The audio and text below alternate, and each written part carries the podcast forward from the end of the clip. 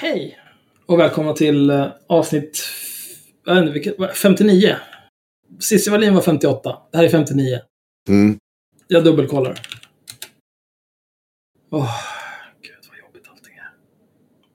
Vi måste göra färre avsnitt, där går inte. Färre avsnitt, ja. Ja, det här är avsnitt 59. Detta stämmer. Wow, vilken grej. Eh, pow, pow, pow. Och så vidare.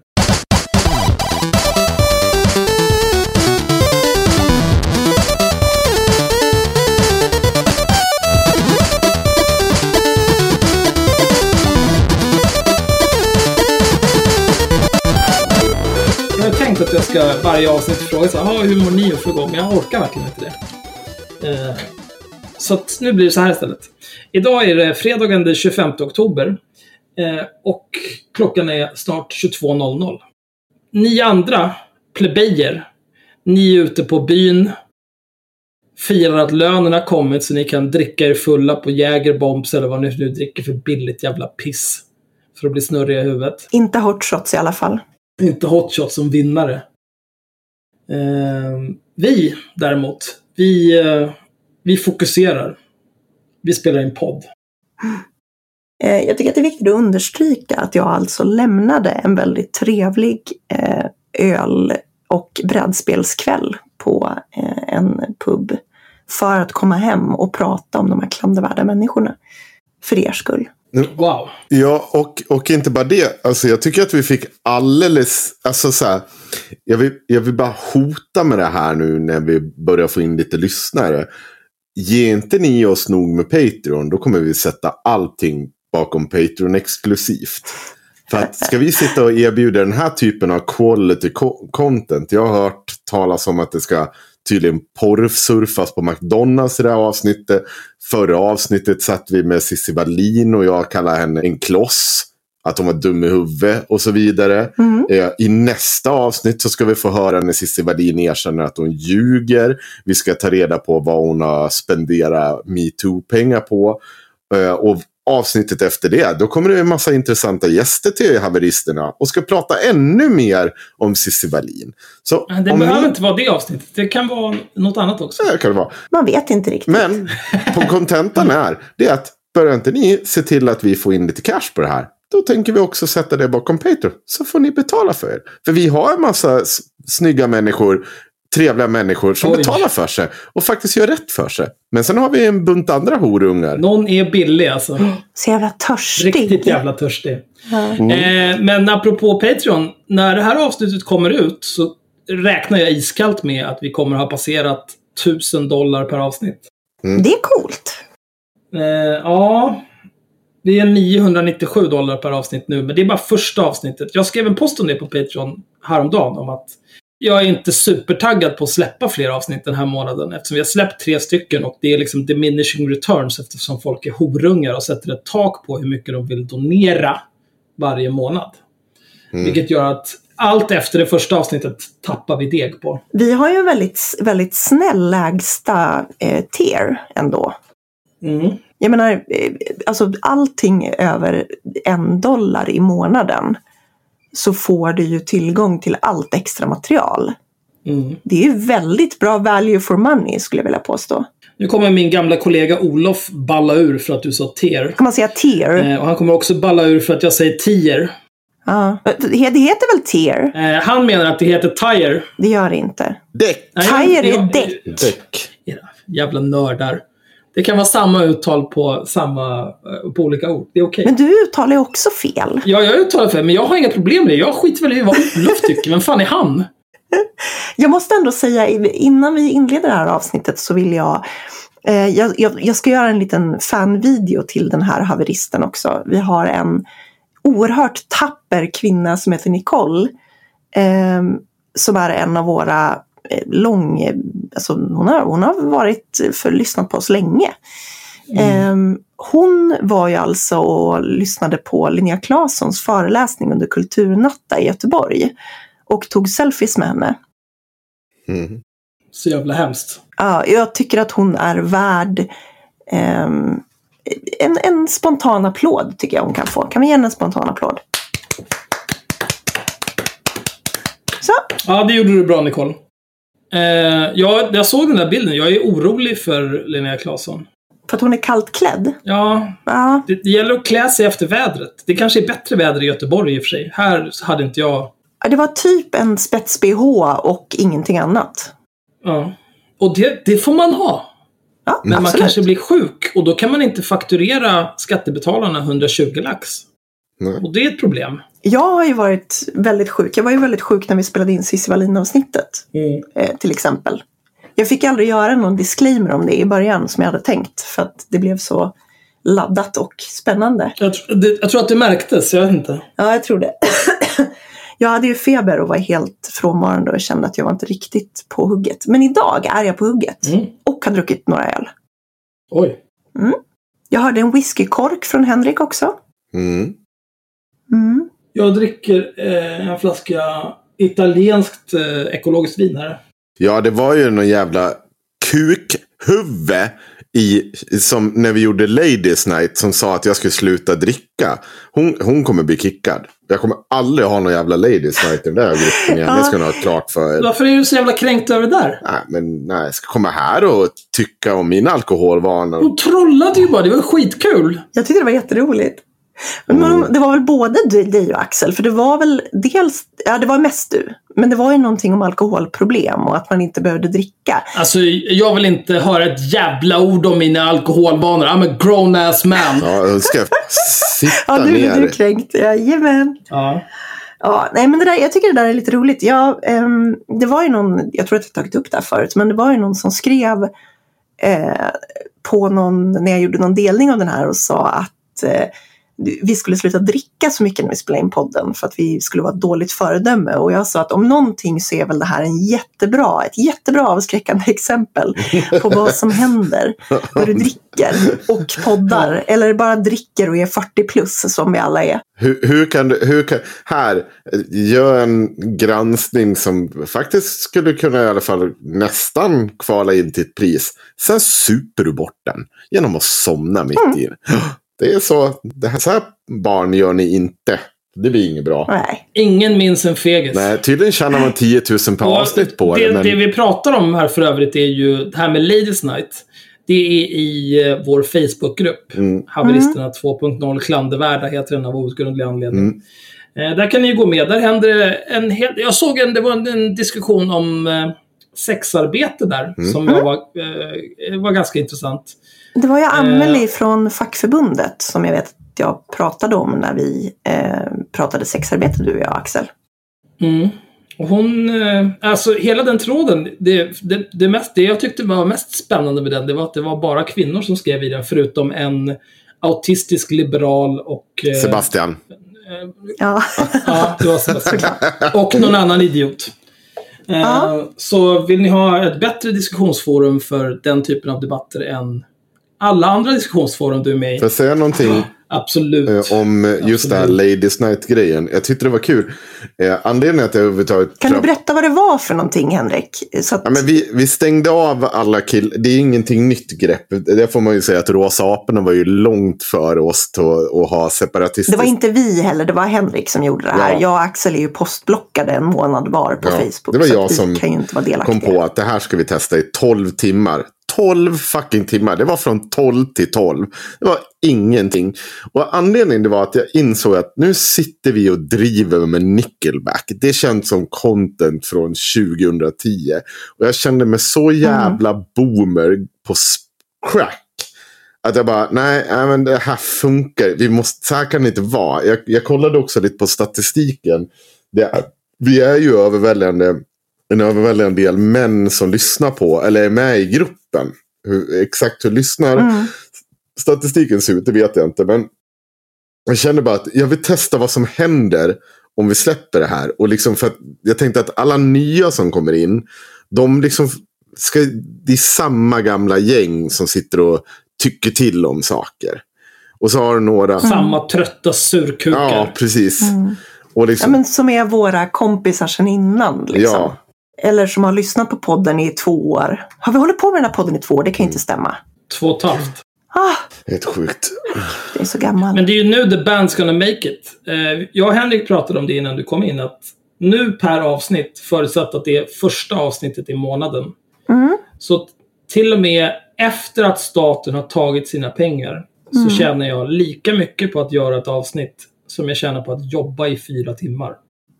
Mm. Då har vi dock inte räknat med omkostnaderna för podden, det vill säga Zencaster och Pippa Och alla också, jag menar även om vi spelar in, alltså vi gör ju långa avsnitt, det ska man ju säga. De får ju, återigen, vilken jävla bra valuta för pengarna. De kan betala 10 spänn eh, för ett två timmars avsnitt. Och då får man ju tänka att det ligger ändå några timmar med research och förberedelser och skit. Mer för Henrik tror jag, för Henrik är nog den som lägger mest eh, förberedelsetid. Men du lägger nog också en hel del Axel. Jag har nog mest lagt tid på sexköpsavsnittet och det Mm. här avsnittet. Jag har gjort en hel del research inför Mm. det här. Eh, Men eh, vi ska inte gå in på avsnittet riktigt än. Vi har fler nyheter att prata om. Wow, Mm. vilken grej. Vi är nu på poddtoppens topplista. Plats 93. Eller 15 för nyheter, vilket är lite coolare. Jo, men det räknas inte. Eh, Jag tänkte vi ska prata om... Jag fattar inte varför vi är på nyhetssidan för.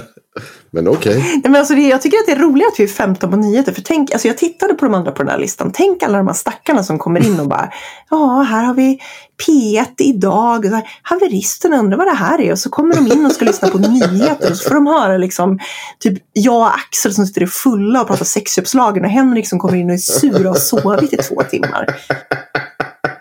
Alltså det är bra haveristfrekvens på det, måste jag säga. Så det gillar jag. Mm. Vi är ju... Om man tittar på nyheter som vi av outgrundlig anledning kategoriseras som, som sagt, så är det ju vi är sist på den. Mm. Mm. Från, om man tittar på de som ligger på topplistan. Eh, sen har vi kvartal. Ja, det är så vidrigt. Kvartal, kvartal är vidrigt. De är ju horungar. Ja. Sen såklart P3 Musikdokumentär. Mm. Efter det P1 USA-podden.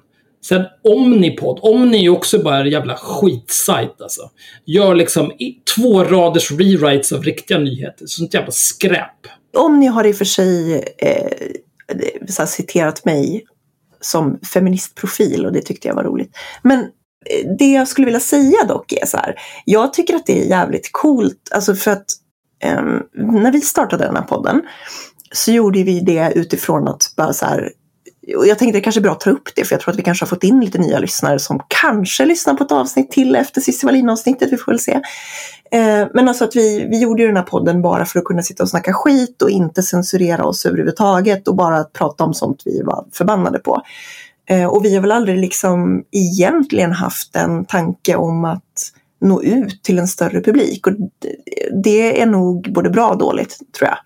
Men framförallt så tycker jag att att, att då komma in eh, på poddtoppen där de här ämnena som du tog upp, typ USA-podden eller kvartalspodd eller whatever, de Ja, är mycket mindre här, nischade än vad vi är. Vi är ju ganska Ja. nischade. Nej, alltså jag vet inte om... Egentligen inte. Alltså vi är mindre nischade än vad USA-podden är. Mm, Men jag ska bara dra resten som finns här. Nästa är Europapodden, också P1. mm. P1 Söndagsintervju. P3 Dystopia. P3 Historia. Och sen Hasse jävla Aro. Fallen jag aldrig glömmer. Vilka jävla fall. Ska du sitta och rehasha massa skit från Efterlyst? Gubbjävel, gå i pension! Det är en jättetråkig podd. Jag lyssnade på ett avsnitt. Den är värdelös. Och sen sist P3 Dokumentär. Men alltså kontentan här är ju att på nyheter så har vi 1, 2, 3, 4, 5, 6, 7, 8, 9, 10, 11 stycken poddar som är på topp 100-listan. Av dem så är 1, 2, 3, 4, 5, 6, 7. 7 av 11 är public service. Public service knullar oss med sina 800 8,5 miljarder i budget. Av dina Våra skattepengar. pengar. De, av mina pengar. De knullar oss och tar vår topplisteplatser. Vad är det Ska vi här? börja som Aron Flam nu? Ja, Ja. jag flyttar till Malta snart alltså. Nej, men jag flyttar till Mm. Malta. Jag tar inte den här skiten. Men, men Axel, eller Henrik, eller båda. Är det inte också så, blir inte det här lite grann som när Henrik Jönsson skulle skryta över att han hade fler följare på YouTube än vad SVT hade? Men när YouTube, eller SVT har ju sina egna plattformar. Mm. Mm. Den här räknar ju inte alla plattformar. Jo, men det här är ju inte ens deras plattformar. Det här kostar dem ju inga pengar alls. Det här är Nej, liksom jag vet. Så de har förmodligen ännu mer budget. lyssnare. De bara pissar ut genom fönstret och knullar oss på poddtoppen. Ja, det är vansinnigt. Medan vi sitter här dag ut och dag in och grindar. Mm. Fuck public service alltså. Förbjud skiten. Bränn ner det. Ja, jag har inte fått en krona av public service fast jag har skrivit åt dem en hel del och typ varit med som expert i deras grejer. Så att Nej, vad ska de betala? Du får väl exposure. jag är kränkt. Jag har å andra sidan aldrig betalat tv-avgift i hela mitt liv. Så att jag. Får jag fråga en sak nu medan vi har, vi kan ha ett live-redaktionsmöte. Vore det inte kul och jävligt irriterande om vi gjorde den här, för nu alla har ju röstat för att vi ska ha den här Ladies Night igen. Vore det inte bara kul att göra det typ Mm. varje torsdag? Men gör det varje fredag. Varje fredag? Ska vi ta det? Nej. Ja, men alltså, jag- ta den, ta den någon kväll, Mm. alltså fredag eller lördag, så att folk kan balla ur och sitta och dricka vin och bara... Fredag låter väl bra? Fredag? Ja. Mm. Varje, Ja. varje fredag Kör. är liksom Ladies Night. Fram till klockan 12. Men fredag, alltså, kan, kan vi inte ta lördagar istället? För man är så jävla trött på fredagar. Man kommer hem, man har arbetat hela, dag, hela veckan. Ja, men fredagar blir bra. Alltså 12 till 12 fredagar. gör, gör så här, gör, Men då sitter folk på jobbet hela dagen. Det är bra. men gör en omröstning. Fredag Ja. eller lördag. Och det så om det är någon annan än kvinnor som röstar. Ja, men om det är någon annan än kvinnor som röstar så bannar vi dem. Ja. Så låt dem själva bestämma när de vill ha. Men fan bryr sig? Jag skiter i det. Jag kommer inte vara delaktig ändå. Nej, ja, alltså jag får inte posta på Facebook. Nej, men jag, jag kan tänka mig det. För jag skulle tycka det var kul att se hur det här funkade i längden. Om folk hukade ur på grund av det. Eller klarar ni av att hålla 12 timmar i veckan käften? Det är ju roligt om de gör det. Ja. Och sen bara hålla i det. Hörni, vi ska gå igenom Ja, topplistan här på poddtoppen nu. Ni kan lösa den där jävla Facebookgruppen sen. Men vänta, ska vi, ska vi gå Mm. ner till ett? Åh, herre. Ja, om du provar att hålla käften Mm, i två sekunder så ska du få se här. Det finns många poddar här jag skiter fullständigt i. Eh, men det finns också poddar här som gör mig rasande. På plats 77 till exempel hittar vi Navid Bodiri med Hur kan vi? Honom ska vi krossa. Vi ska, vi ska förbi den där jävla råttan. Vidare. Om vi bortser från all jävla public service-skit. Ordning, ordningsfråga. Ja. Ehm, det här är ju bara, poddtoppen tar väl bara siffrorna från iTunes. Jag har ingen aning om var deras siffror kommer ifrån. Jag, det, Ganska säker på att det bara var iTunes, för jag kollade det här. Då är det också, då, där skadas ju vi av att vi inte länkar någonsin till podden på iTunes, utan att vi länkar till den på Pippa. Medan Jo, men, men grejen är så här. Folk, som Navid Modiri kommer ju länka till iTunes. jo, men folk, alltså folk som är så förståndshandikappade att de köper Apple-produkter, de håller sig inom det ekosystemet. Mm. Och de är intresserade av att lyssna på vår podd, då prenumererar de redan på den på iTunes. Och vill de hitta den, då söker de i iTunes. För att de vet inget annat. Jo, men om de inte lyssnar via iTunes tror inte jag att vi får lyssningar på det. Nej, så kan det vara. Det, vi, får, vi får lära oss att leva med det. Jag kommer aldrig någonsin i mitt liv anpassa mig en millimeter för att tillgodose Apple Force behov på något vis. Alltså, det, är, det är inte ens människor. Plats 59. God ton. Hanif Bali och whoever the fuck. Deras jävla tramspodd där de spelar kantkungar och är CP. Alltså, bara att de döper den till god ton. Alltså, det är så blir så provocerad med sådana kantkungar. Han, alltså, det finns ingen mer kränkt människa på jorden än Hanif Bali. Nej, han gråter ju snoppen dygnet runt. Alltså. Fy fan vilken idiot. Vi går vidare. Åh, gud. Uh, vad har vi mer? Här, poddtoppens listor bygger på data från iTunes och visar vad som just nu trendar hos den svenska publiken. Podcast som visas måste finnas registrerade hos iTunes för att de ska visas i listorna. Så det här är bara från iTunes. Jaha, det är värdelös lista Ja. då. Precis. Ja, då Så att alla det. som lyssnar via Spotify eller Pippa eller Acast eller någonting kommer ju inte med här. Alltså det här är ju någonting som, som säger en del om, på plats 26, Paradise Hotel-podden. Skjut mig i huvudet. Plats 16, Relationspodden med Bingo och Katrin Zytomierska. Bingo. Åh gud, vad jag aldrig hört talas om en podd jag vill lyssna på så lite som det. Fy fan alltså. Åh, nej, jag mår så dåligt.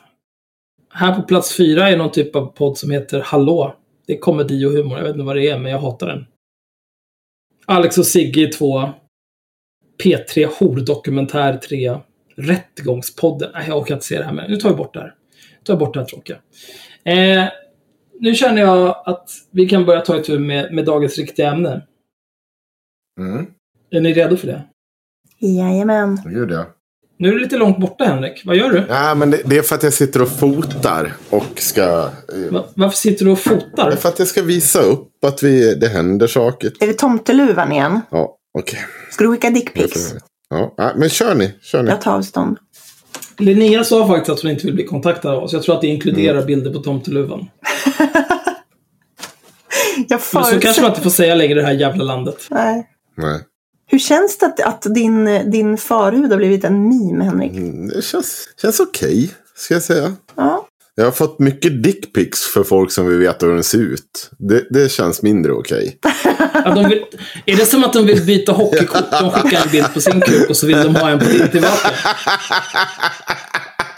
Fy fan vad sjukt.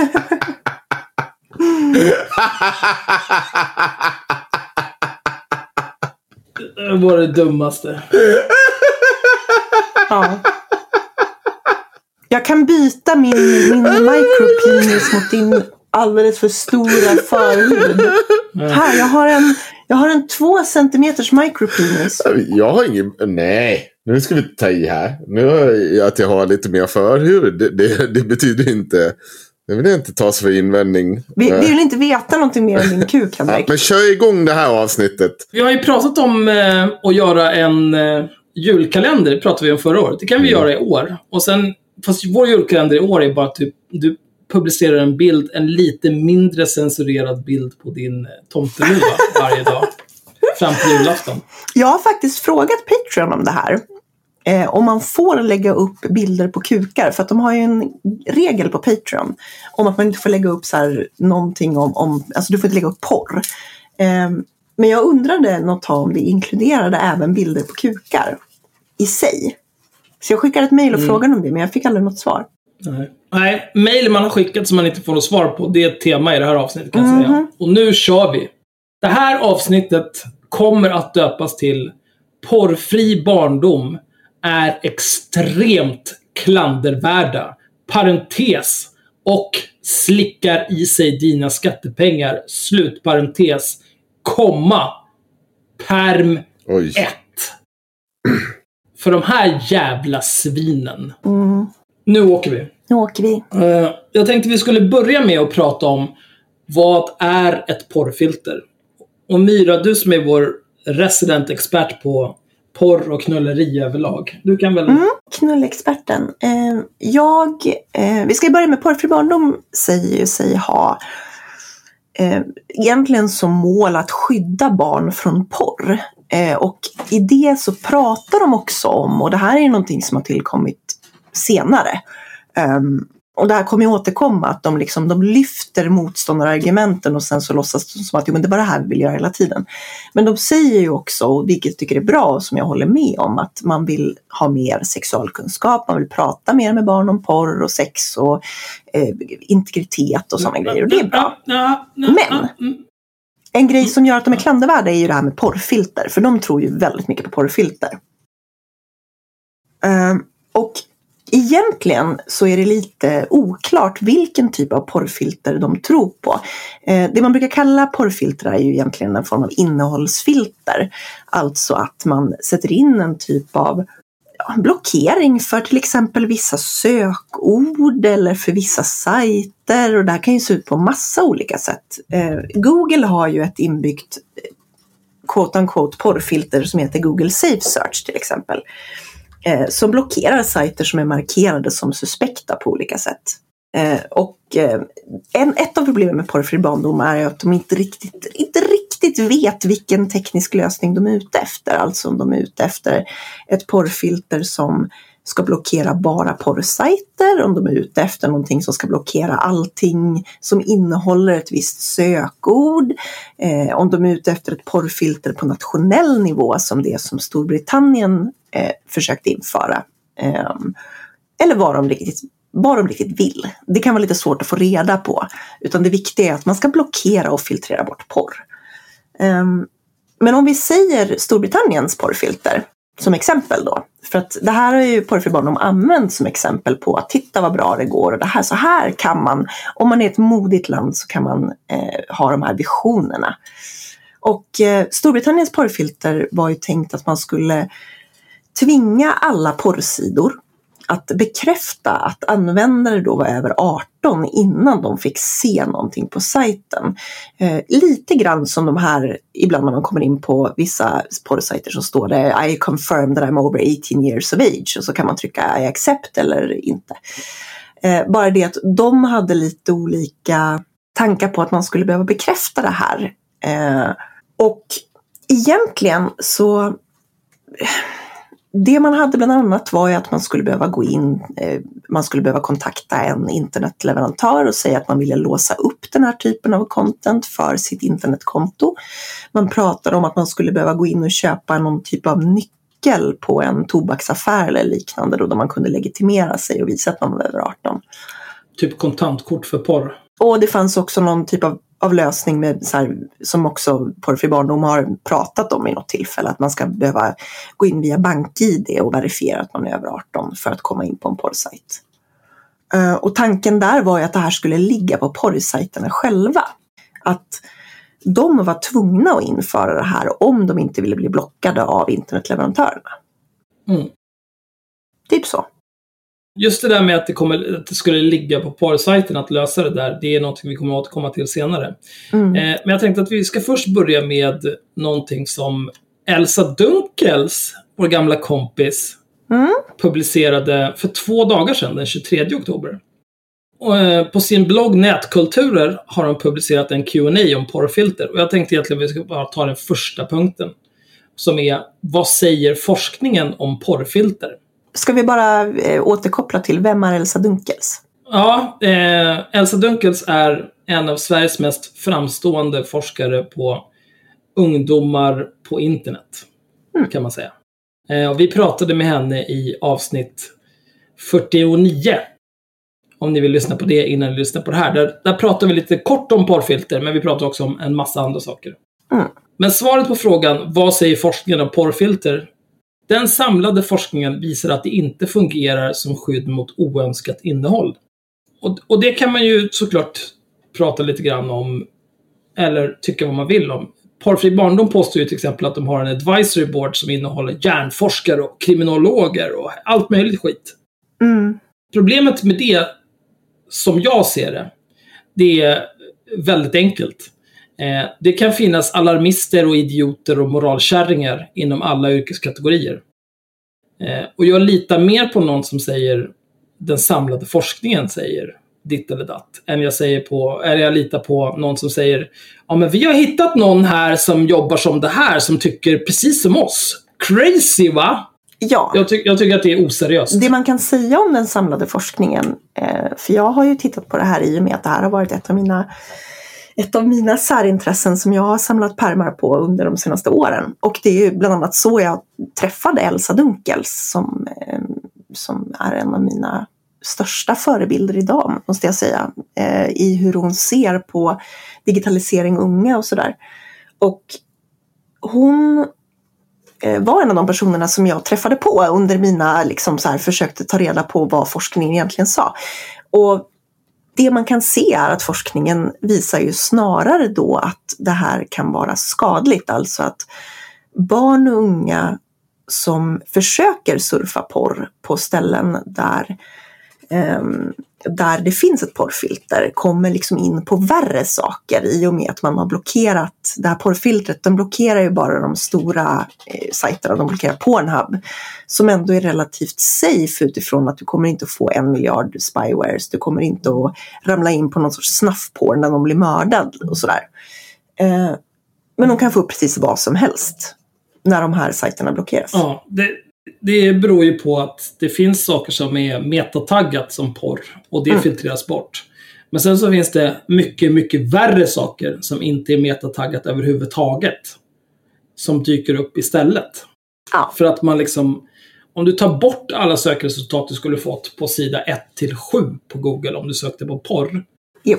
Då får du upp det konstigaste av det konstiga. Det här kan du ju applicera på, det här kan man ju prova såklart. Man kan ju testa själv och liksom slå på en, något porrfilter och sen testa och söka det. Men man kan ju också bara reflektera över hur det ser ut om man själv håller på att googla någonting. Säg att man ska hitta en viss typ av möbel eller något, eller fan vet jag, något jättespecifikt och sen sitter man liksom och går igenom sida efter sida på Google så vet man ju att efter typ sida två så är det ju väldigt suspekta saker som kommer upp. Um, och det är precis samma sak med porr. Jag går aldrig förbi sida 1 alltså. Det är Nej. inte värt. Men i alla fall.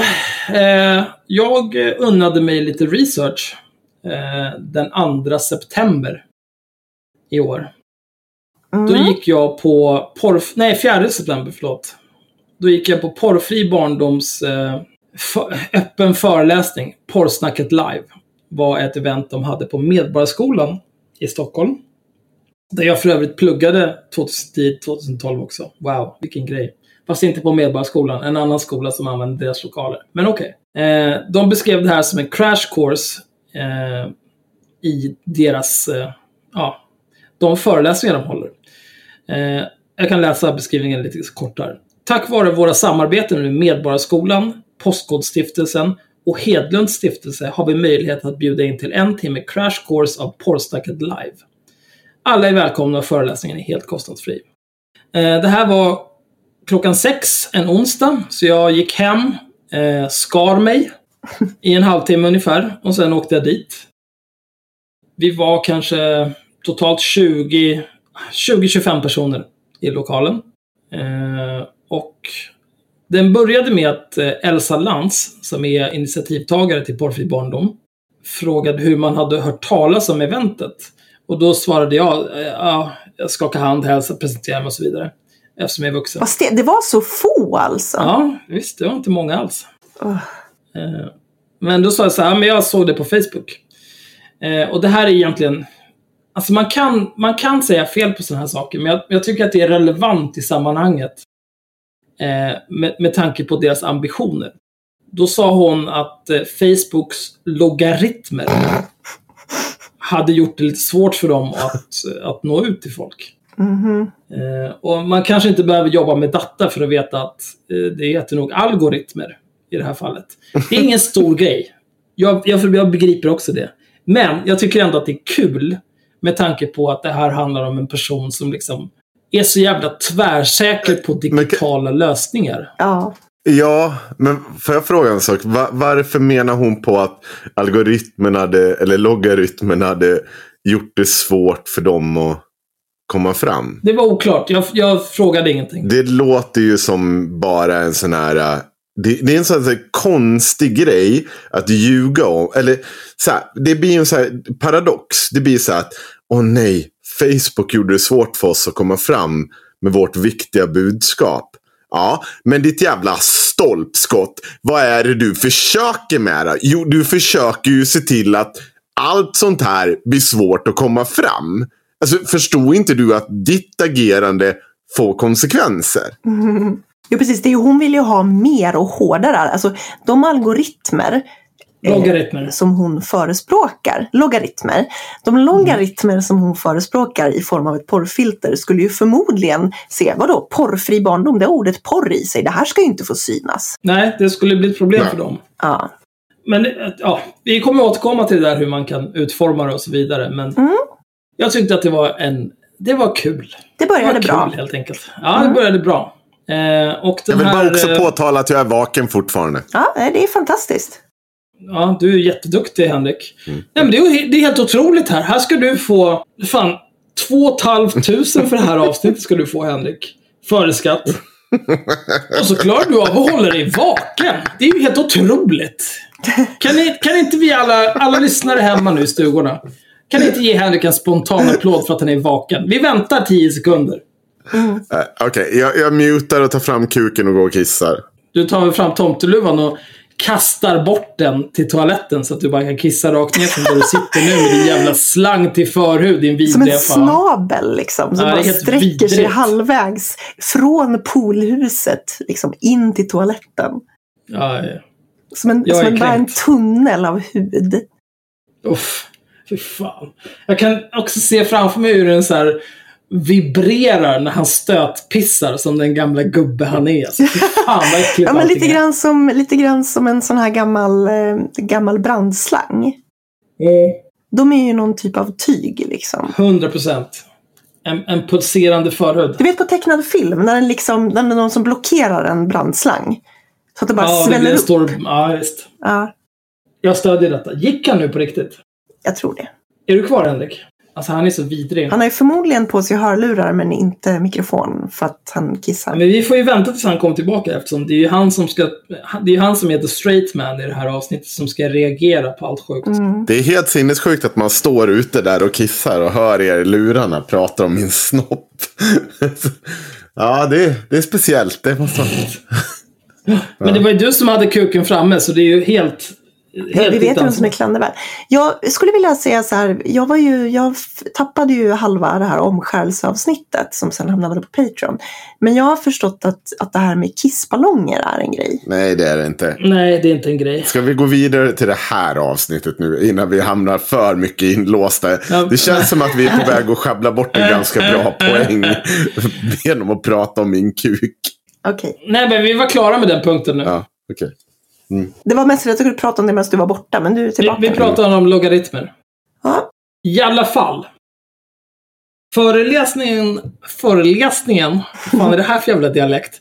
Föreläsningen inleds med att Ebba Bjelke från eh, någon typ av eh, studentorganisation som heter Sexualkunskapen ni aldrig fick, kör en grej. Jag vet inte, jag, jag, alltså det är svårt för mig att och kategorisera vad jag ska liksom kalla det här för någonting. Jag- skulle säga så här. Det är en anekdot. Eh, och, och, och den är ju mycket sjuk, men jag vet inte. Det är fortfarande bara en anekdot. Ebba Bjelke i alla fall, hon är 19 år. Eh, hon har gått på någon typ av gymnasium och startat någon typ av grupp där, den här sexualkunskapen ni aldrig fick och så vidare. Hon börjar med att berätta en, eh, en anekdot om när hon var på en fest med sin dåvarande kille. Eh, hon drack sig eh, snudd på medvetslös som man gör när man är på fest. Som man bör kunna göra när man är på fest. Utan att någon beter sig illa på något vis. Eh, och då på något vis så hamnar hon i ett rum tillsammans med sin dåvarande kille. Eller snubben hon dejtar eller whatever. Vad nu kidsen säger. Sin bay. Ja, sin bay. Oj, det där känns väldigt 2016 typ. Men vi kör Bay. Mm. Eh, och Bays kompisar, de börjar hetsa om... Så här, fan... Vi säger att han heter Berra. Fan Berra, du borde, du borde knulla henne så vi kan spela in och göra en porrfilm. För att de är uppenbart eh, i behov av ett nackskott. De här jävla kompisarna han har. Mm. Eh, och så, som jag förstod det av historien så hon, det, hon, hon sa så här, det var ingen som frågade mig om någonting, men jag, jag, jag tolkade det som att hon var däckad. Liksom. Eller liksom, så full så att man inte pallar, om vi säger så. Mm. Eh, och hans kompisar håller på och hetsar honom om det här. Han säger nej. Det där vill jag inte hålla på med. Och då menar hon eh, att det där har med porr att göra. Och jag tror inte att det har det. Jag tror att eh, det här med så här, ja men ligg med henne här och nu, vi spelar in det och gör en porrfilm. Jag tror att det här, ligg med henne, eller jag tror det här med vi spelar in och gör en porrfilm. Jag tror att det är superfluous. Jag tror att de hade hetsat eh, honom att ligga med henne för 30 år sedan också. Mm. Bara det att då fanns det inte mobiler att spela in det med. Så jag tror inte att det nödvändigtvis har med porr att göra. Det har bara med att göra att de här, hans polare behöver skjutas i huvudet. Ja, det här är alltså just den här hetsen om, eh, alltså hetsen det här liksom att ja, men man ska ligga med folk och, och liksom den här grabbhetsen eh, är ju inte ny. Nej, nej absolut Det är inte. bara att den yttrar sig annorlunda.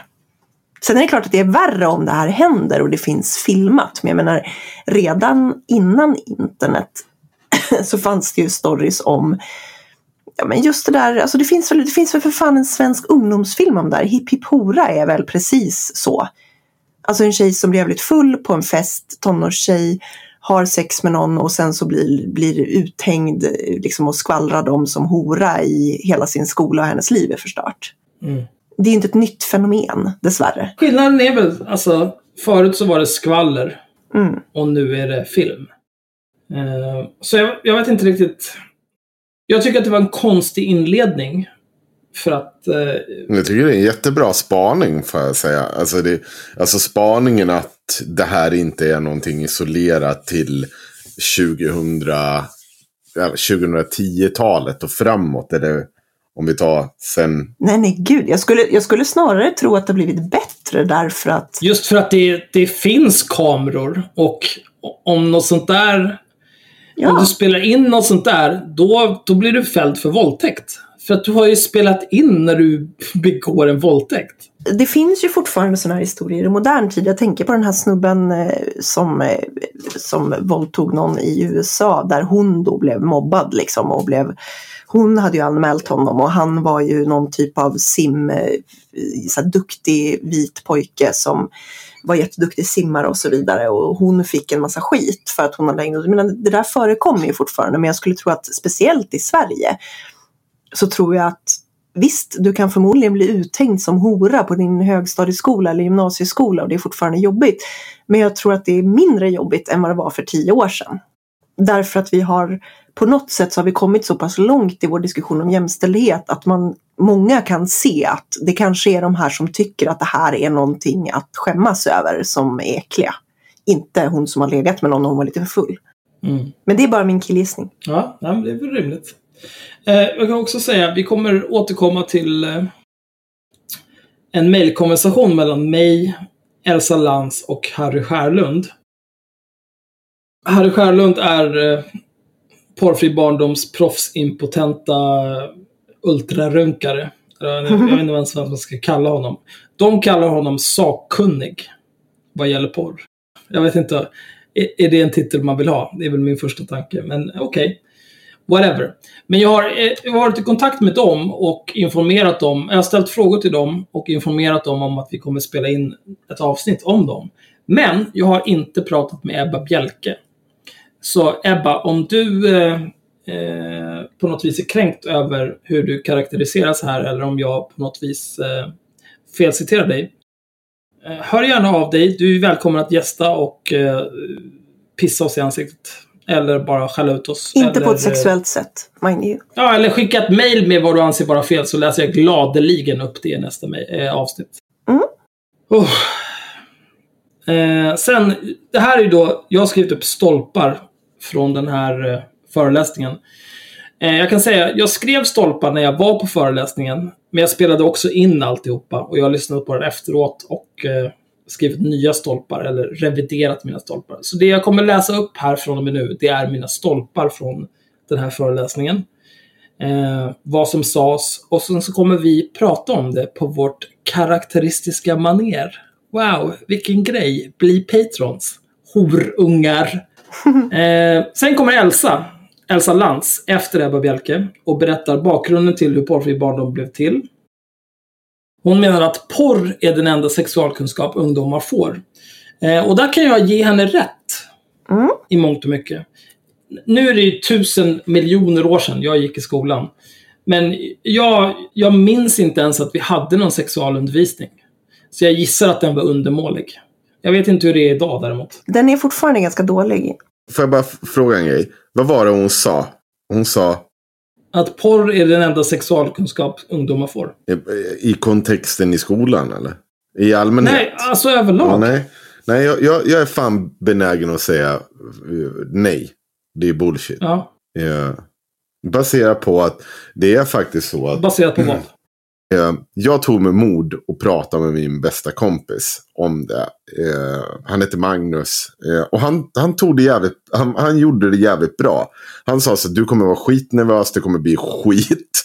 Och det kommer liksom, men, men det kommer gå över. Det kommer bli bättre sen. Och sen var det blod överallt. Magnus hade knullat. Magnus hade knullat. hade knullat. Det Ja. har jag. Ja. Han hade knullat. Och han var inte, han var inte så här. Och, och jag tror inte, du kan inte springa runt och tro att varje kille, varje, att det ska vara liksom det här grova, grova, grova. Alltså så pratar inte vi killar med varandra. Alltså om Nej. jag har haft en hel del killar runt omkring mig i mitt liv. Och det är klart att jag har stött på de här som bara stått och sagt Jag tryck in kuken i röven på henne. Blev hur bra som helst. Hon var så jävla kåt. Det är klart att jag har stött på Mm. den. Men jag har stött på fler som faktiskt har pratat på ett annat sätt. När det väl kom till kritan. Även om det inte är på det sättet som vi ser på stora influencerkonton. Där de säger så här. Ja, nu måste du tänka på det här. Du måste vara så här. Du måste vara så här. Ja, alltså.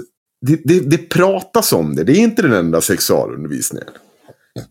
Det är bullshit. Nej, alltså, nej, men, men alltså det, det, det man kan säga är så här. Jag skrev en text om det här. Jag tänker lägga in den här länken på en gång så att ni inte behöver hata på mig.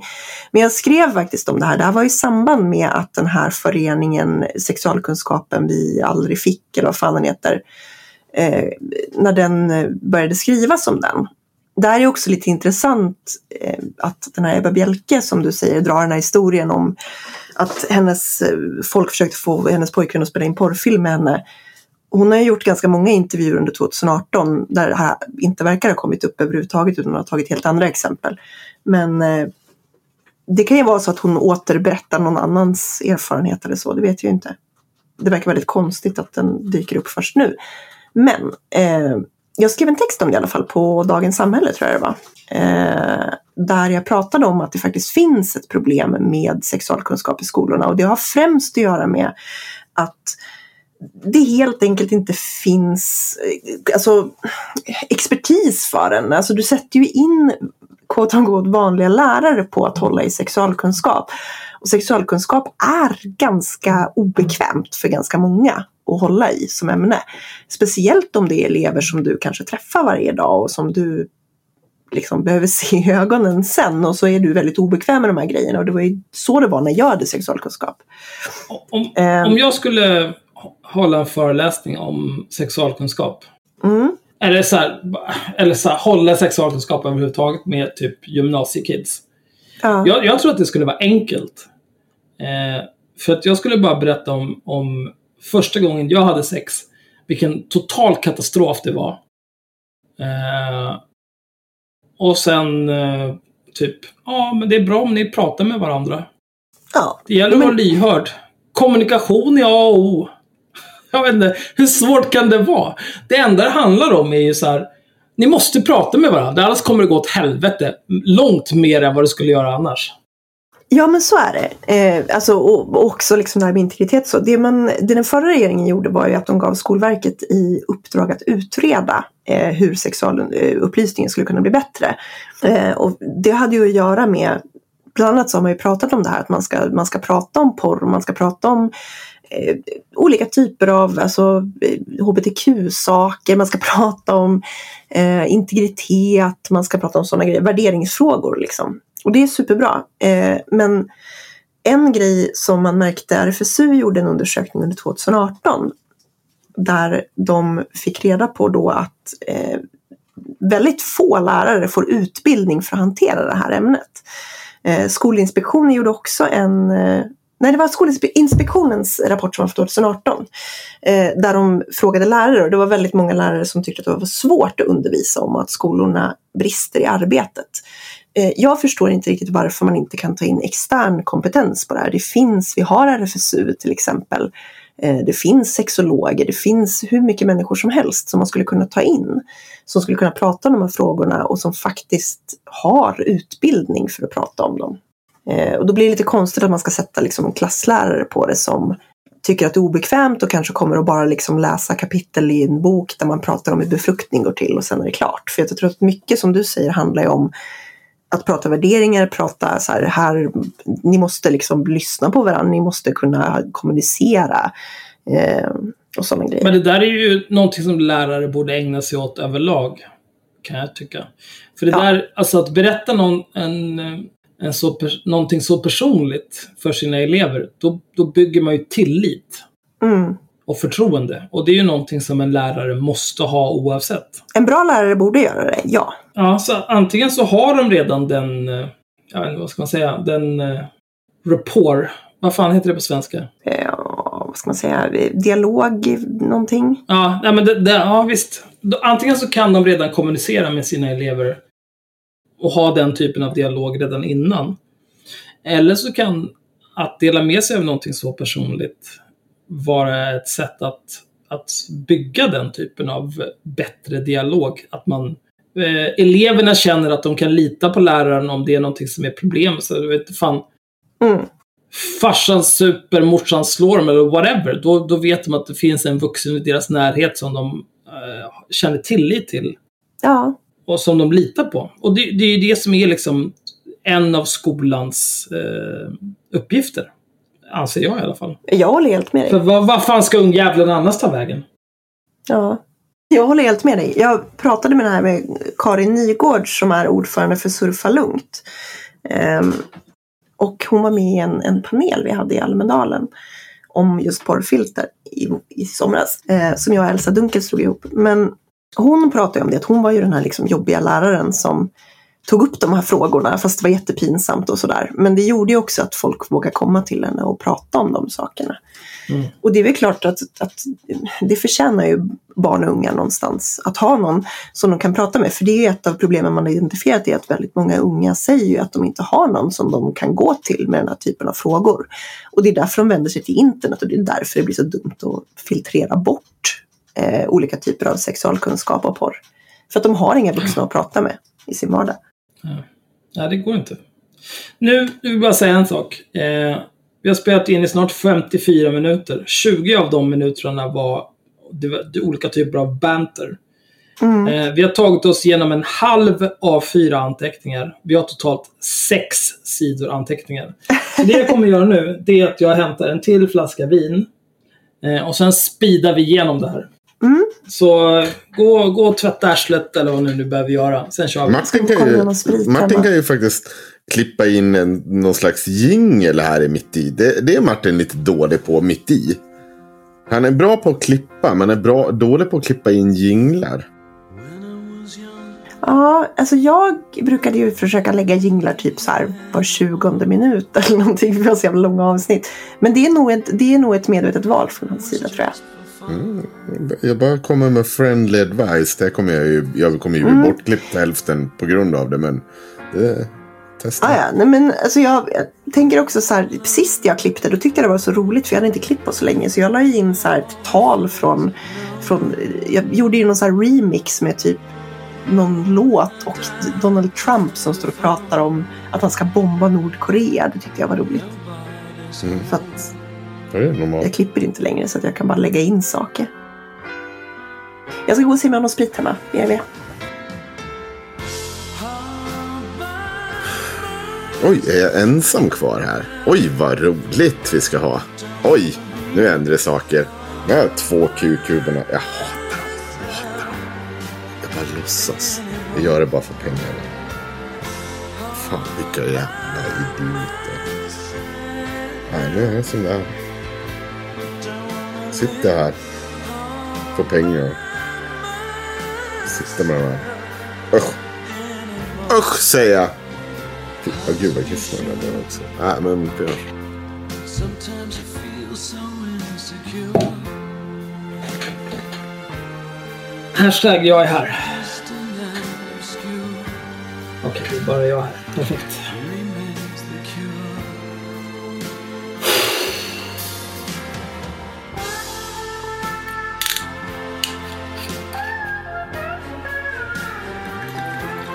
Jag är här då.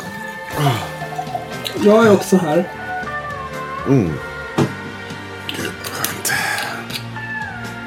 Är det det? Gud, vilken tur.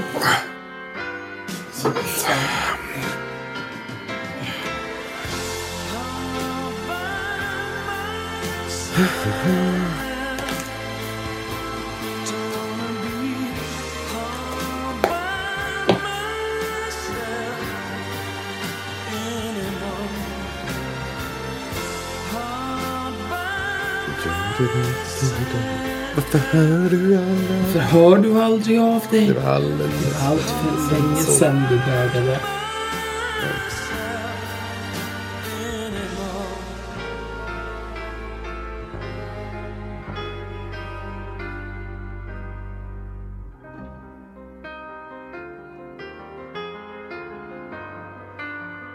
Funderar på att köpa en skoter. Det vore kul.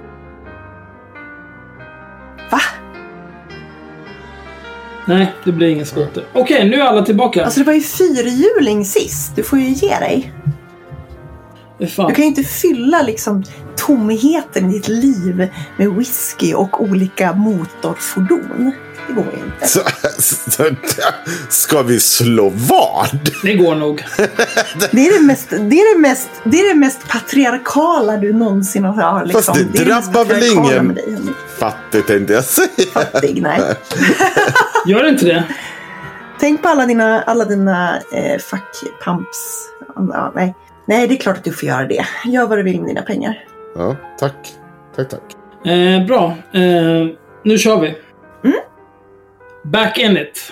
Eh, fast in, alltså, ett, nytt, ett problem med mitt nya liv det är att jag hela tiden är livrädd för att jag ska tappa min klocka nere i toaletten. Har du köpt en klocka, en Rolex nu?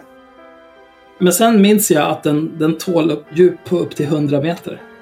Jag vad, ta, vad tål den, den i jag. Ja, avloppsrör? den är givetvis försäkrad. Ja, men då så. Va? Vad tål den i avloppsrör?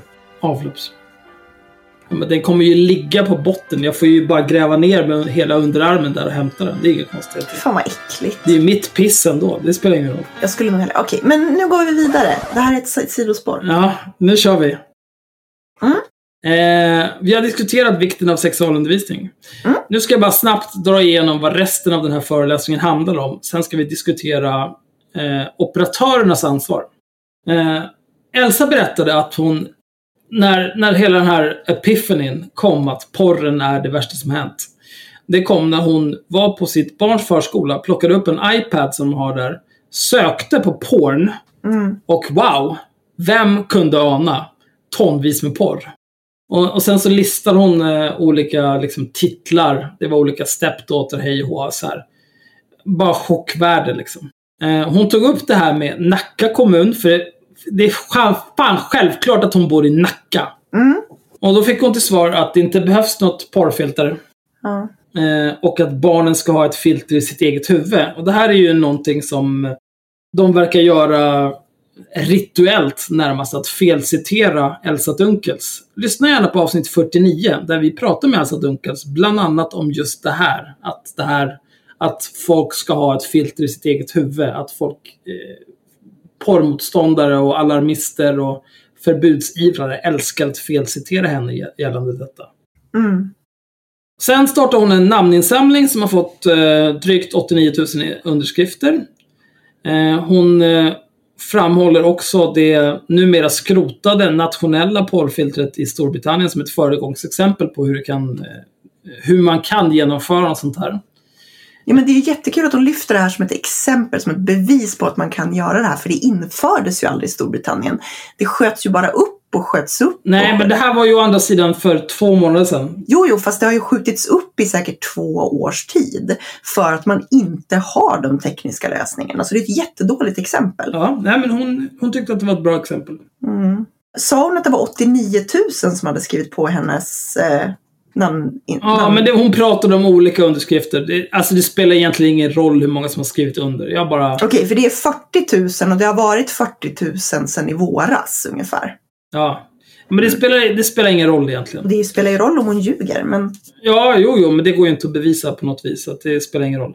Mm. Det, det är en massa mammisar som är alarmister och moralister som har skrivit på en eh, change.org petition. Liksom. Fan bryr sig? Ingen. Ja, de har två stycken pet- petitions på change.org.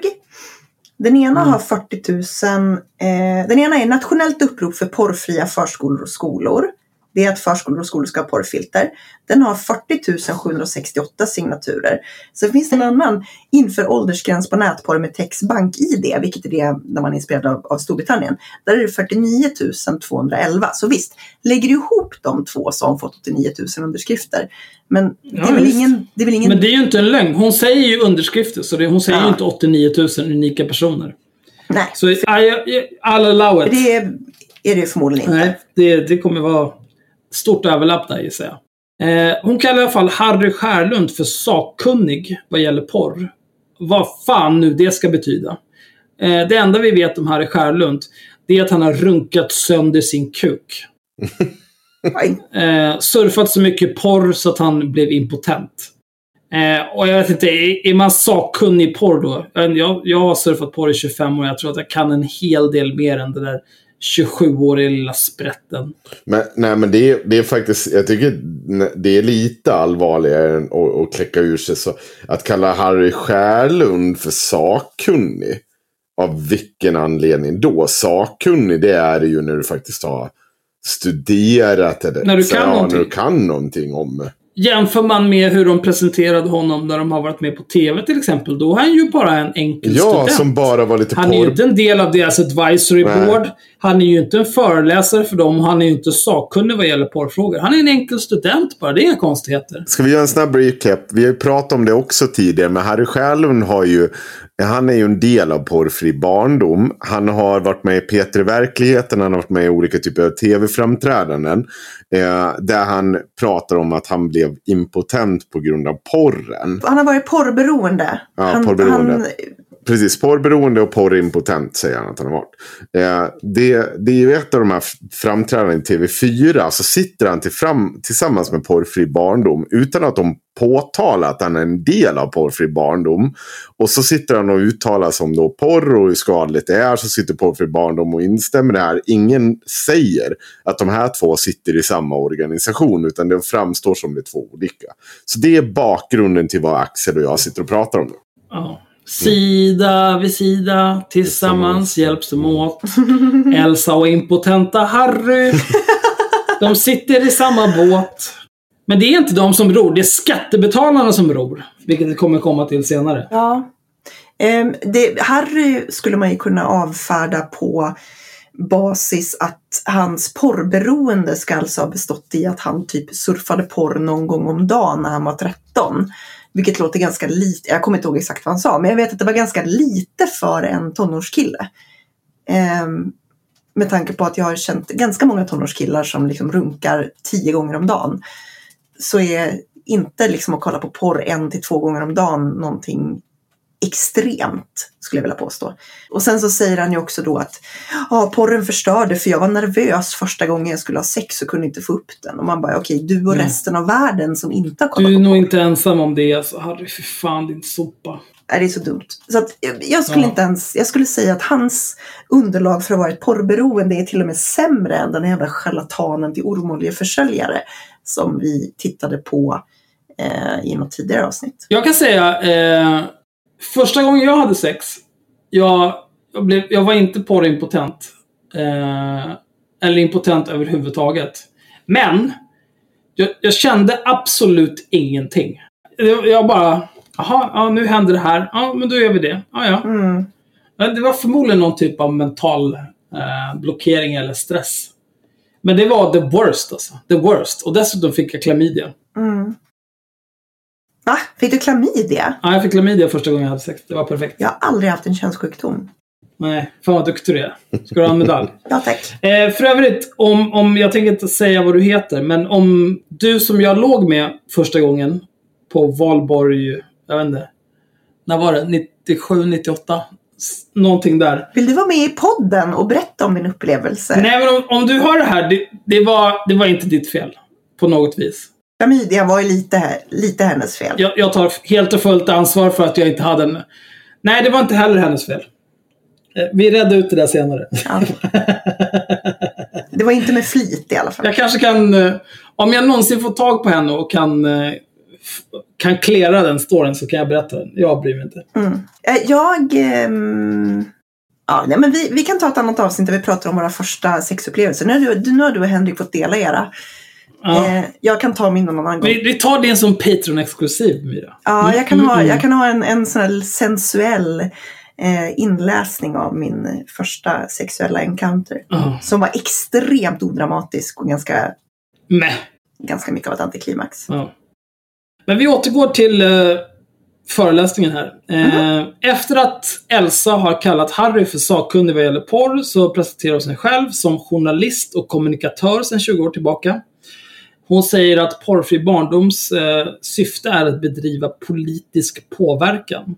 Eh, de finansieras av gåvor och Postkodstiftelsen. Får jag säga en sak? Innan... Eh, Ja. Jag ska inte göra det långdraget. Men det är ju otroligt ärligt av henne att säga att hon sysslar med politisk påverkan.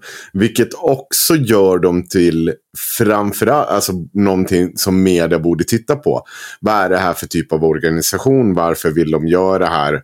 Und so weiter, und so weiter. Kanske inte bjuda in två av deras representanter till morgon-tv och presentera en av dem som en stackars student som blev porrimpotent. Det är sant. Det är någonting man skulle kunna göra. Mm. TV4 är jävla idioter. så här, jag har ju haft koll på och eh, liksom sett porrfri barndom i de senaste åren, sedan de startade. Och att du säger att hon presenterar sig som journalist nu är väldigt intressant, för att det har hon aldrig gjort förut. Hon har ju gått ut, till och med om man tittar på hennes Twitter-presentation, så säger hon att hon är kommunikatör och initiativtagare till porrfri barndom. Så att, att hon nu försöker framställa sig som journalist bör ju vara någon sorts sätt att, jag vet inte, Legitimera i så fall. Om hon inte har sagt det tidigare. Jag vet inte. nej hon har inte, ja, hon har inte sagt det tidigare. Jag säger bara vad, vad de sa, eller vad hon, äh, de, vad de sa nu. Hon presenterar sig som journalist och kommunikatör sedan 20 år tillbaka i alla fall. Eh, De säger sig bedriva politisk påverkan, de finansieras av gåvor och Postkodstiftelsen. Elsa jobbade ideellt i ett år med porrfri barndom innan det tog fart. Och, och jag, det här är också så här, Nackamorsor alltså. Mm. You fucking people. Men fan har tid att jobba ideellt med sån här skit i ett år? De gjorde ju inte särskilt mycket. De la ju upp en, det de gjorde då var ju att de la upp en petition liksom. Det behövs ju inte särskilt mycket. Nej, men om man säger att man jobbar ideellt med något i ett år. Jag tolkar det som, du har jobbat heltid med det här i ett Nej, år. det har, nej, jag har verkligen inte gjort.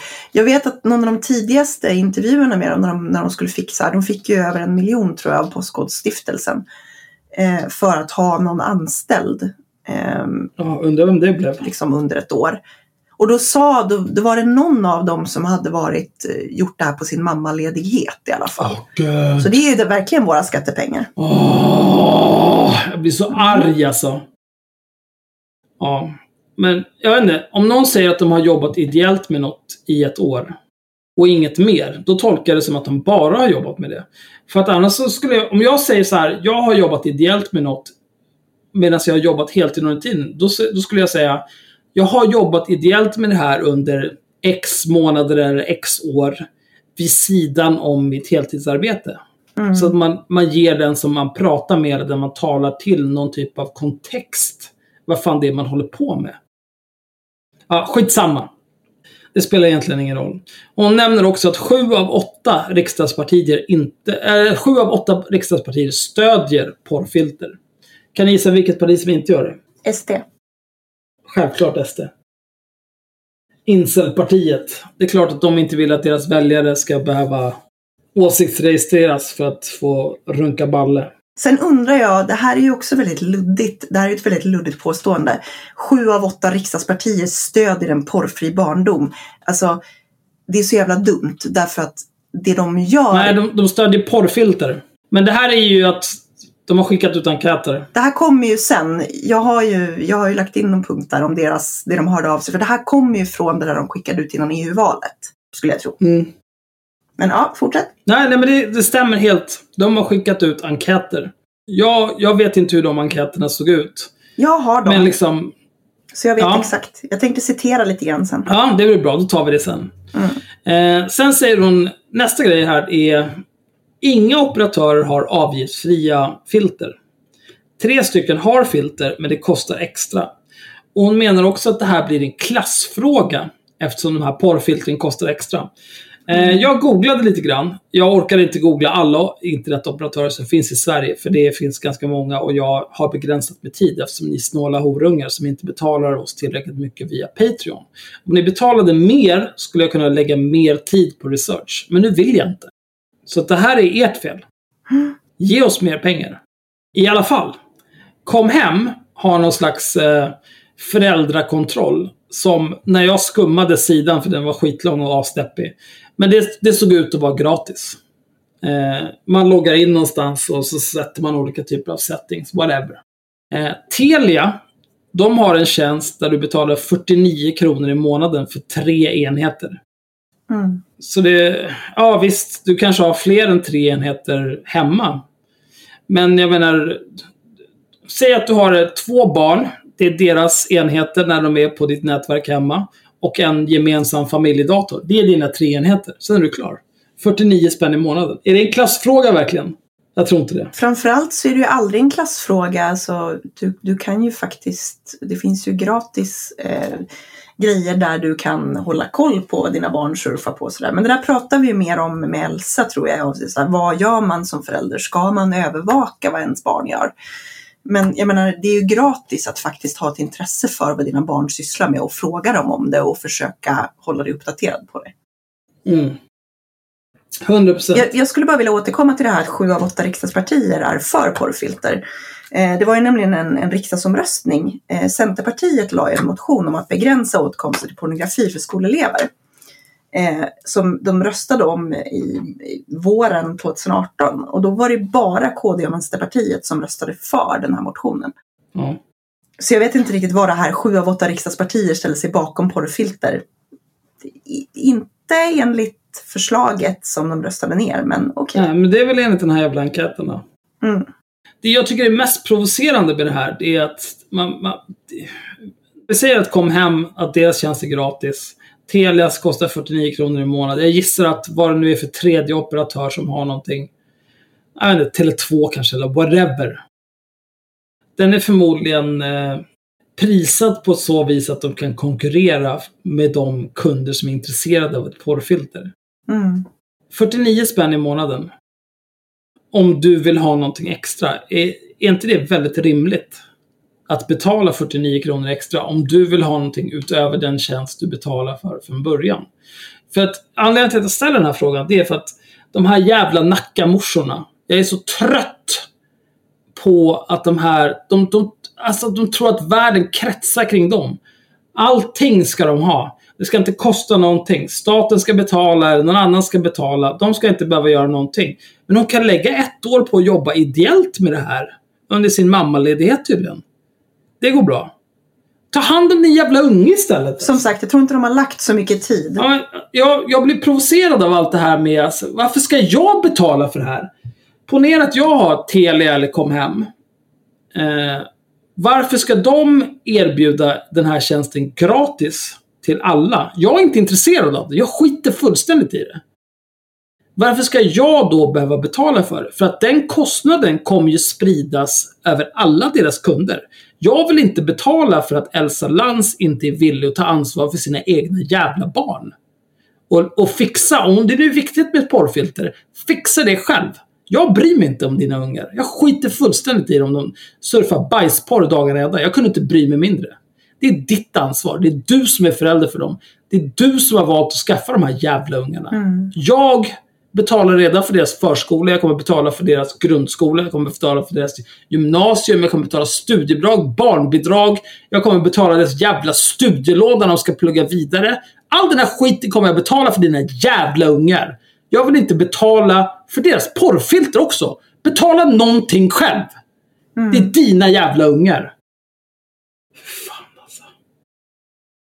Framförallt så är ju problemet med det här som jag skulle vilja säga är ju att eh, ett, en, en av delarna i problematiken runt porrfilter är just att det är, är ju en liksom falsk trygghet för den här typen av tekniskt inkompetenta nackamorsor. Som bara, ja men det är klart att man kan blockera allting dåligt som ett barn kan se på internet för att de inte vill ha den här diskussionen själva med sina barn och faktiskt försöka sätta sig in i så här, varför kan ett barn vara intresserad av, intresserad av att se porr? Eh, vilket många barn är därför att det är någonting som, alltså inte så att de är intresserade av det för att de vill liksom göra någonting mer utan därför att det är någonting som är spännande. Mm. Jag menar, jag såg typ min första porrtidning när jag var sju. En klasskompis visade mig den. Och jag tyckte att det var jättekonstigt, men jag var jätteintresserad. Jag ville ju se vad det var för någonting. För jag tyckte det var så jävla märkligt allting. Hade jag haft internet, tillgång till internet då, så är det klart att jag hade suttit och googlat liksom en massa konstiga saker för att se vad det var. Därför att barn är nyfikna. Och det, det kanske är sånt som föräldrar ska ha ansvar för att prata med sina barn om. Mm. Absolut. Absolut. Men jag tycker också skolan eh, har ett stort ansvar i det här. Absolut. Jag, jag, jag skulle säga 50-50 föräldrar skolan. Mm. Eh, men jag har inget ansvar. För jag skit Jag kunde inte bry mig mindre. Lös det där. Lös det där. Alltså det finns ju en budget som är tänkt att ligga på sexualkunskap. Se till att den sexualkunskapen är bra. Se till att, eh, alltså som jag brukar säga, jag har sagt det flera gånger när jag har varit i olika debatter om porrfilter och sådär. Jag har sagt att om skolan, om din skola har ett problem med att elever sitter i sko- på skoltid och surfar porr. Då kanske det inte är liksom, det, det känns som att det är ett större problem än bara att ni saknar ett porrfilter. Det känns som att ni har problem med massa andra saker, typ respekt för motsatta könet, för respekt för lärare, respekt för skolan. Alltså det, det, jag har enormt svårt att se att det här skulle vara ett stort problem. Mm. Nej, det, jag tror inte det. Och om det är det så räcker det inte med ett filter för att lösa det. Nej. Eh, vi kör på. Mm. Eh, hon pratar vidare lite grann om eh, motståndarlagets argument. Eh, en sak hon tog upp var att de som är emot ett porrfilter menar att det skulle filtrera bort sexualupplysningssidor för till exempel ja, hbtq-personer och så vidare. Elsa menar då att det här inte stämmer. Jag, jag har ingen kommentar om det här egentligen. Eh, Mm. Hon menar också att motstånd... Ja, Ja, Varsågod. jag har kommentarer men du kan få prata klart om du vill. Ja, nej, den, den andra poängen var att eh, hon menar också att motståndarlaget menar att ett filter skulle göra att man inte pratar med ungdomar om sex och porr. Eh, och hon menar också att det fungerar inte så när det handlar om till exempel alkohol. Och det är egentligen det jag är mest intresserad av att prata om. Men om, om du har en poäng med sexualupplysningssidorna, go. Ja, alltså jag eh, har ju hört det här eh, argumentet och argumentet där är ju att jo, men det är ju bara för IT-teknikerna att, eh, att lägga in ett undantag för ungdomsmottagningen och RFSU. Nej, det är det inte. Mm, Nej, för det första... Jag, får jag berätta? Ja, Jag, du som jag, lite- jag jobbar ju med data. Mm. Hör och häpna. Eh, så här är det, där jag jobbar. Åh, mm, mumsvin. Eh, vi har en filtreringstjänst. Och om man vill whitelista en, eh, en sajt. det- Ja, det går. Det går absolut. Eh, men, men det tar tid. Ehm, och det är inte... Det är inte jättebra heller. För att... Men Hur fan ska man förklara det här? Alltså det är... Så här, i det här fallet, om, om eh, säg att någon angsty teen söker på till exempel eh, transsexuellas rättigheter i Brasilien eller whatever. Mm.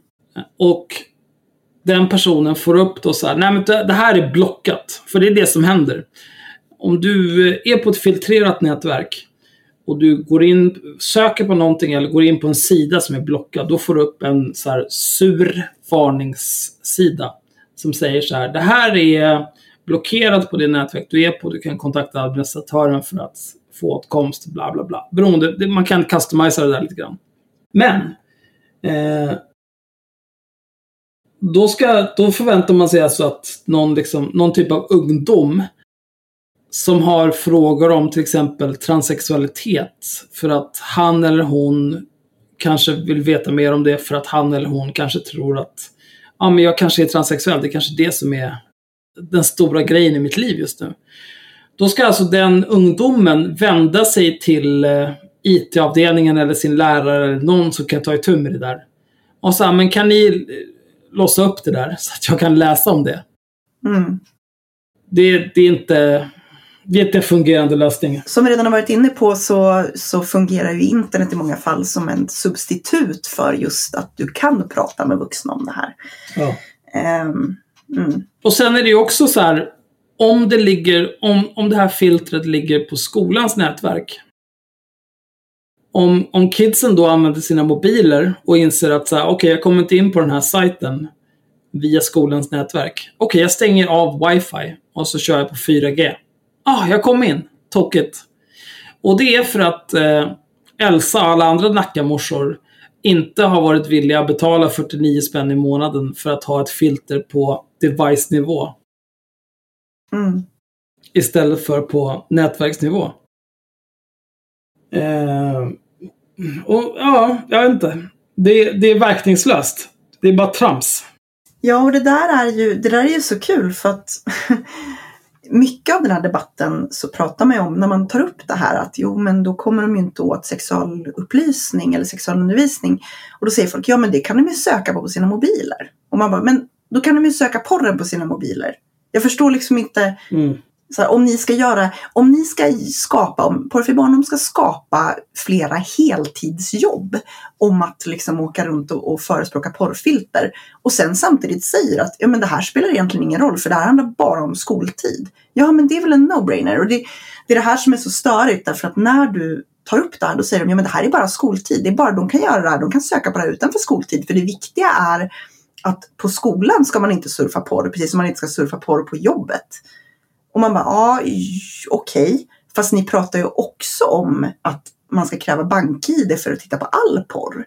Så det är hela tiden det här liksom flyttandet av målstolparna som egentligen grundar sig i, vilket jag misstänker att vi kanske kommer in på lite mer sen, men att de har väldigt starka åsikter om hur skadlig porr är för folk som egentligen inte har eh, någon backning i vetenskapen. Nej.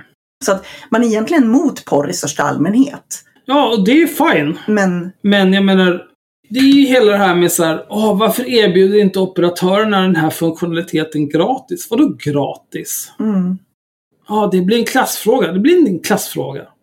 50 spänn i månaden. då kan man ju titta på Väx upp. en av Storbritanniens förslag, eller en av deras alternativ var ju att de skulle förlita sig på eh, filterteknologi eller sådana här liksom ålderskollsteknologi som utvecklades av porrsajterna själva. Ja, det kommer vi komma Där till. kan man ju verkligen snacka om. Mm. Det kommer vi till. Men jag skulle bara vilja få in det här om att man inte, att det blockerar sexualundervisning och att det inte stämmer. Du har redan tagit upp varför det här är bullshit. Eh, och det finns ju bra exempel på det här. Det finns ju till exempel exemplet när Tumblr eh, införde sitt filter. Tumblr bestämde ju sig för, jag tror att vi har pratat om det här förut så jag ska inte dra hela grejen igen, men Tumblr bestämde sig för att börja eh, liksom ta bort eh, dålig content och det som hände var ju bland annat att en massa hbtq-grejer försvann. Eh, saker som hade olika typer av ord som kopplade till gay eller till trans. Eh, för då har man sagt att det här är ord som används i porr och därför så ska vi blockera det. Och det här kommer ju såklart att uppstå. Det handlar inte om att så här, ja, men om, vi av, om vi avblockar ungdomsmottagningen och RFSU så har vi löst problemet. Utan det handlar ju också om att säg att du har en, en ung muslimsk kille som inte kan surfa eh, liksom att surfa webcomics som bögar hemma därför att hans, hans islamistiska familj skulle kasta honom från ett hustak. Då kan han göra det i skolan, Mm. men inte med den här typen av filter. Därför att då är det taggat Alltså, gay. Jag tycker att all typ av censur på det här viset är förkastlig. Mm, För att i slutändan så handlar det om att om du söker på internet, då ska du få upp relevanta resultat som finns på internet. mm, Jag skiter i om det liksom är The Great eh, Firewall of China som är i vägen. Eller om det är någon eh, säkert välmenande eh, jävla Nackamorsa. mm. Det du söker efter ska du hitta. Alltså så länge det inte är barnporr något sånt där. Men liksom, det, det handlar ju också om... Det är intressant för vi har om- ju faktiskt vi har ju en typ av filter mot barnporr idag. Men det, vi ska inte gå in jättemycket på varför filter inte funkar, tror jag. Eh, utan vi ska försöka hålla oss till det porrfri barndom pratar om. Och, men men det, det är ett argument. Eh, man kan ju titta på hur vi, hur vi jobbar med att blockera barnporr. Ja, jag, jag tänker mer att eh, för dagens ungdom, för mig, jag är ju lastgammal. Men så internet spelade inte så stor roll för mig i min liksom eh, quest för att hitta mig själv. Mm. Men för dagens ungdom som liksom föds in i internet så tror jag att det spelar mycket större roll. Och jag tror att eh, om de inte fritt kan eh, hitta likasinnade eller liksom kunskapsresurser som de är intresserade av på internet. Jag tror att det är en nackdel för dem. Mm. Jag tror att det är bättre om de eh, har liksom fri tillgång till internet. Var, varför ska man begränsa det överhuvudtaget? Om de ser någonting eh, ser de någonting som är jobbigt, då, då ska de ha tillräckligt mycket tillit för alla vuxna i deras närhet för att prata om det. Vi kommer återkomma till det faktiskt, för att eh, Harry gör en väldigt bra jämförelse senare i föreläsningen. Och nu går vi genast vidare. Yes. Oh. Eh, ja, just det. Jag drar bara, nu, nu tar Harry över här, så jag drar bara de stolpar jag skrev här. Eh, nu tar Harry Sjölund över och berättar om sitt liv som professionell självbefläckare. Mm. Henrik, sover du? Oj, jag hade tryckt på paus. Jag hade tryckt på paus. Det, jag är vaken. Jag är vaken. Ja, Ja. Så nervös. nej, jag, jag sitter upp eh, som ett Eh, jävla ljus här. Harry är medlem i deras advisory board och sköter föreläsningar. Ja, han är en av de två som är listade på det. Jag noterade det nu. Det är Elsa och Ja, det Harry. är otroligt. Jag har ett, jag har ett väldigt bra förslag, eh, citat här från honom. Mm. Eh, man kan ha långa debatter om vad porr är för någonting. Man kan ha långa debatter om vad erotik är för någonting. Och de är inte ointressanta. Jag skulle gärna ta dem också. Men när det gäller att få någon förändring, när det gäller att i det här fallet skydda barn, så är det inte riktigt det vi är intresserade av. Eh, och och det, den uppenbara frågan här blir ju då, hur kan man filtrera någonting om man inte först har definierat vad det är man ska filtrera? För de är inte Exakt. intresserade av att debattera vad porr är för någonting. De är inte intresserade av att debattera vad erotik är för någonting. Nej. Även om de tycker att det är intressant och skulle gärna ta det också. Men de, vill inte, de, de, är, intresserade, de är inte intresserade. De tycker inte att det är intressant. Nej, men de tycker inte det. Men de vill inte diskutera det. Men de vill ha ett porrfilter. Hur, vad är då porr? Det är så extremt jävla dumt. Exakt, och det här är ju det stora problemet egentligen som gör att jag tror att Elsa tar upp det. Jag vet inte om det var i våran podd eller om det var någon gång någon de gångerna vi debatterade det, här, jag och Elsa. Vi säger att det var i vår podd. Lyssna på avsnitt 49 med Elsa Dunkels. Ja, det är ett jättebra avsnitt, men ett av problemen med den här porrfiltergrejen är att man kan inte, som Porrfri barndom gör, komma med glädjekalkyler att säga, ja men idag finns inte de tekniska lösningarna, men tekniken utvecklas hela tiden. Ja, men ett filter kan bara göra det du talar om för att det ska göra. Om inte vi på ett objektivt sätt kan definiera vad som är porr och inte, och det kan vi bevisligen inte. Vi har ju redan problem med att eh, amningsbilder tas bort från Facebook och Instagram. Därför att i USA så är det så här, ah, man ser en tutte, nu är det porr. Ehm, om inte vi kan göra en helt objektiv eh, definition av porr som alla håller med om, då kommer inte filtren kunna blockera porr. Därför att filtren kan bara göra det vi säger åt dem att göra. Så enkelt är det. Mm. Ja, nej, det finns väl inte jättemycket mer att säga om det egentligen. För att det här alltså, det är så otroligt dumt. Mm. Eh, jag vill förbjuda någonting, men jag vill inte definiera vad det är jag vill förbjuda. Dra åt helvete. Mm. Det är så jävla dumt. Nej, och det är ju precis den där förflyttningen som jag pratar om med målstolparna. Att man går från, jag vill inte att folk ska kunna surfa hårdporr på rasterna och trakassera sina kvinnliga eh, klasskompisar med det. Eh, till så här, alla måste eh, gå in med bank-id så fort de ska titta på ett porrklipp. Alltså det finns liksom ingen, de har inte definierat tekniken eller definitionen på vad porr är eller någonting. Det är totalt värdelöst. Det är bara grundat i moralism och trams där. Mm. Vi fortsätter.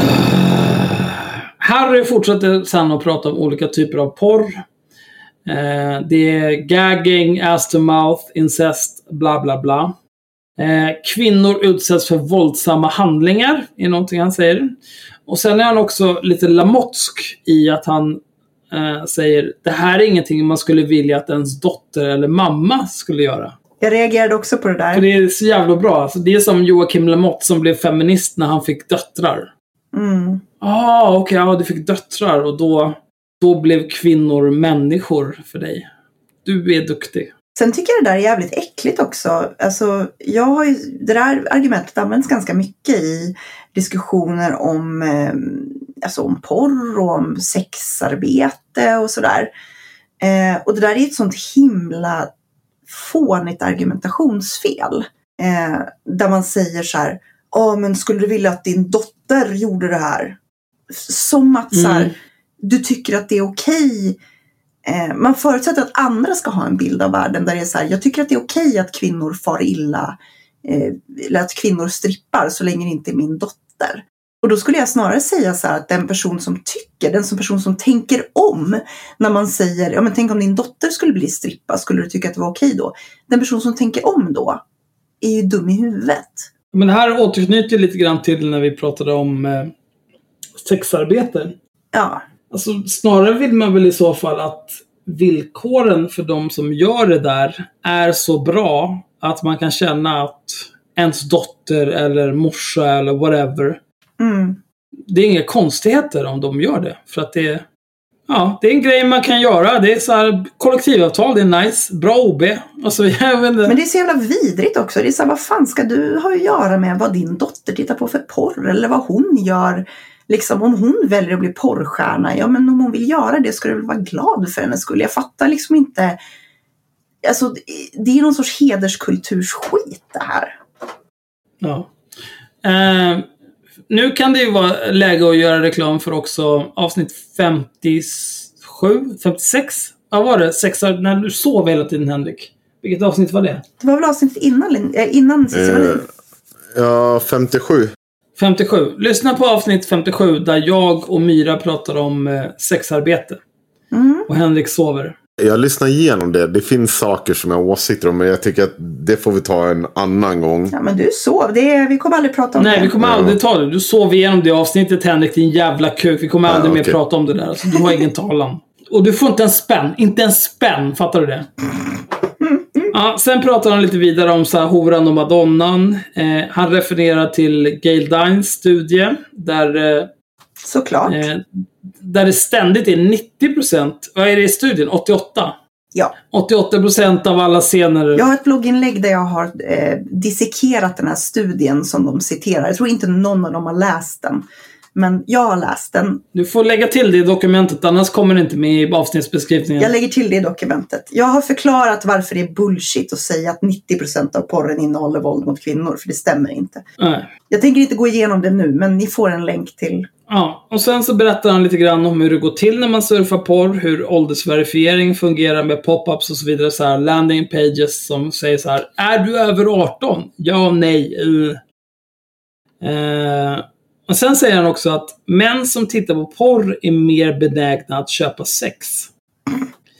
Eh, han, vad jag minns så källhänvisade han inte det. Men jag vet inte. Jag vet inte om det kausala sambandet går tittar på porr mer benägen att köpa sex. Eh, Eller mer benägen att köpa sex, titta på porr. ja, och så här, är titta på porr, är det är det det som är grundorsaken? Eller är det bara ett symptom på samma typ av eh, vansinne som köpa sex? Jag, jag har ingen aning och förmodligen inte Harry heller. Nej, det här är återkommande i deras forskning ska vi säga. Eh, och någonting som jag... Alltså, du, du kan egentligen avfärda typ alla sådana här påståenden, dessvärre. Eh, därför att ett av problemen är att du inte har kontrollgrupper. Alltså det, det är inte så att det egentligen finns några, några människor, framförallt män, eh, som inte tittar på porr i samhället. Så att du kan aldrig hitta en kontrollgrupp med människor som köper sex men aldrig har tittat på porr, för det finns inte. Du kan inte hitta en kontrollgrupp med människor som har våldtagit kvinnor men aldrig har tittat på porr, för det finns inte heller. Eh, därför att tittar vi på den senaste studien som gjordes i Sverige, eh, Folkhälsomyndighetens studie, eh, så var ju 70 procent av alla män tittade på porr, eh, uppgav sig titta på porr. Och då kan man ju se liksom på en gång, jag tror att det är mer än 70 procent egentligen, men vi kan tänka det finns kanske folk som är, inte har så mycket sexlust eller som har så pass mycket sexlust att de får ut det i sitt, sin relation och inte därför tittar på porr och sådär. Men om vi leker 70 procent att det stämmer så kan vi ju säga att den del av de här 70 procenten som begår våldtäkter, som köper sex och så vidare är jävligt liten. Vilket innebär att det är förmodligen inte porren som gör det, för då skulle det ligga närmare 70 procent på de här sakerna. Mm. Jag vet inte, det är så här, jag tycker bara att det är så superenkel matte att göra det här, så jag förstår inte varför det ska vara så jävla svårt för de här människorna. Nej, men det. Ja. Jag, jag saknar ord. Jag, det är så jävla oärlig Ja. eh, argumentation. Det, det är så dumt. Men då kan man också fråga sig. Den här studien från Gail Dines. Mm. Den är från 2010, så den är nio år gammal. Eh, vad jag vet så är det den enda studie som har kommit fram till de här spektakulära resultaten. Och då är frågan så här, är det relevant att hänvisa, som så många gör, eh, inte bara porrfri barndom, utan eh, ja, många gardet-favoriter hänvisar ju till den här. Eh, Linnea Claesson har hänvisat till den här. Mina rung. Unison eh, gör ju det väldigt mycket också. Vad, vilka är Unison, Myra? Unison är eh, grupp, alltså vad heter det, paraplyorganisationen för svenska kvinnojourer, en av dem. Roxy är den andra. Ja. Men jag vet inte, i en studie från 2010 Mm går det att bygga hela sin argumentation och bedriva politisk påverkan baserat på det? Är det rimligt? Bevisligen, men det är äckligt. Jag har ju som sagt, just den här studien har jag plockat sönder och sett att det är inte så.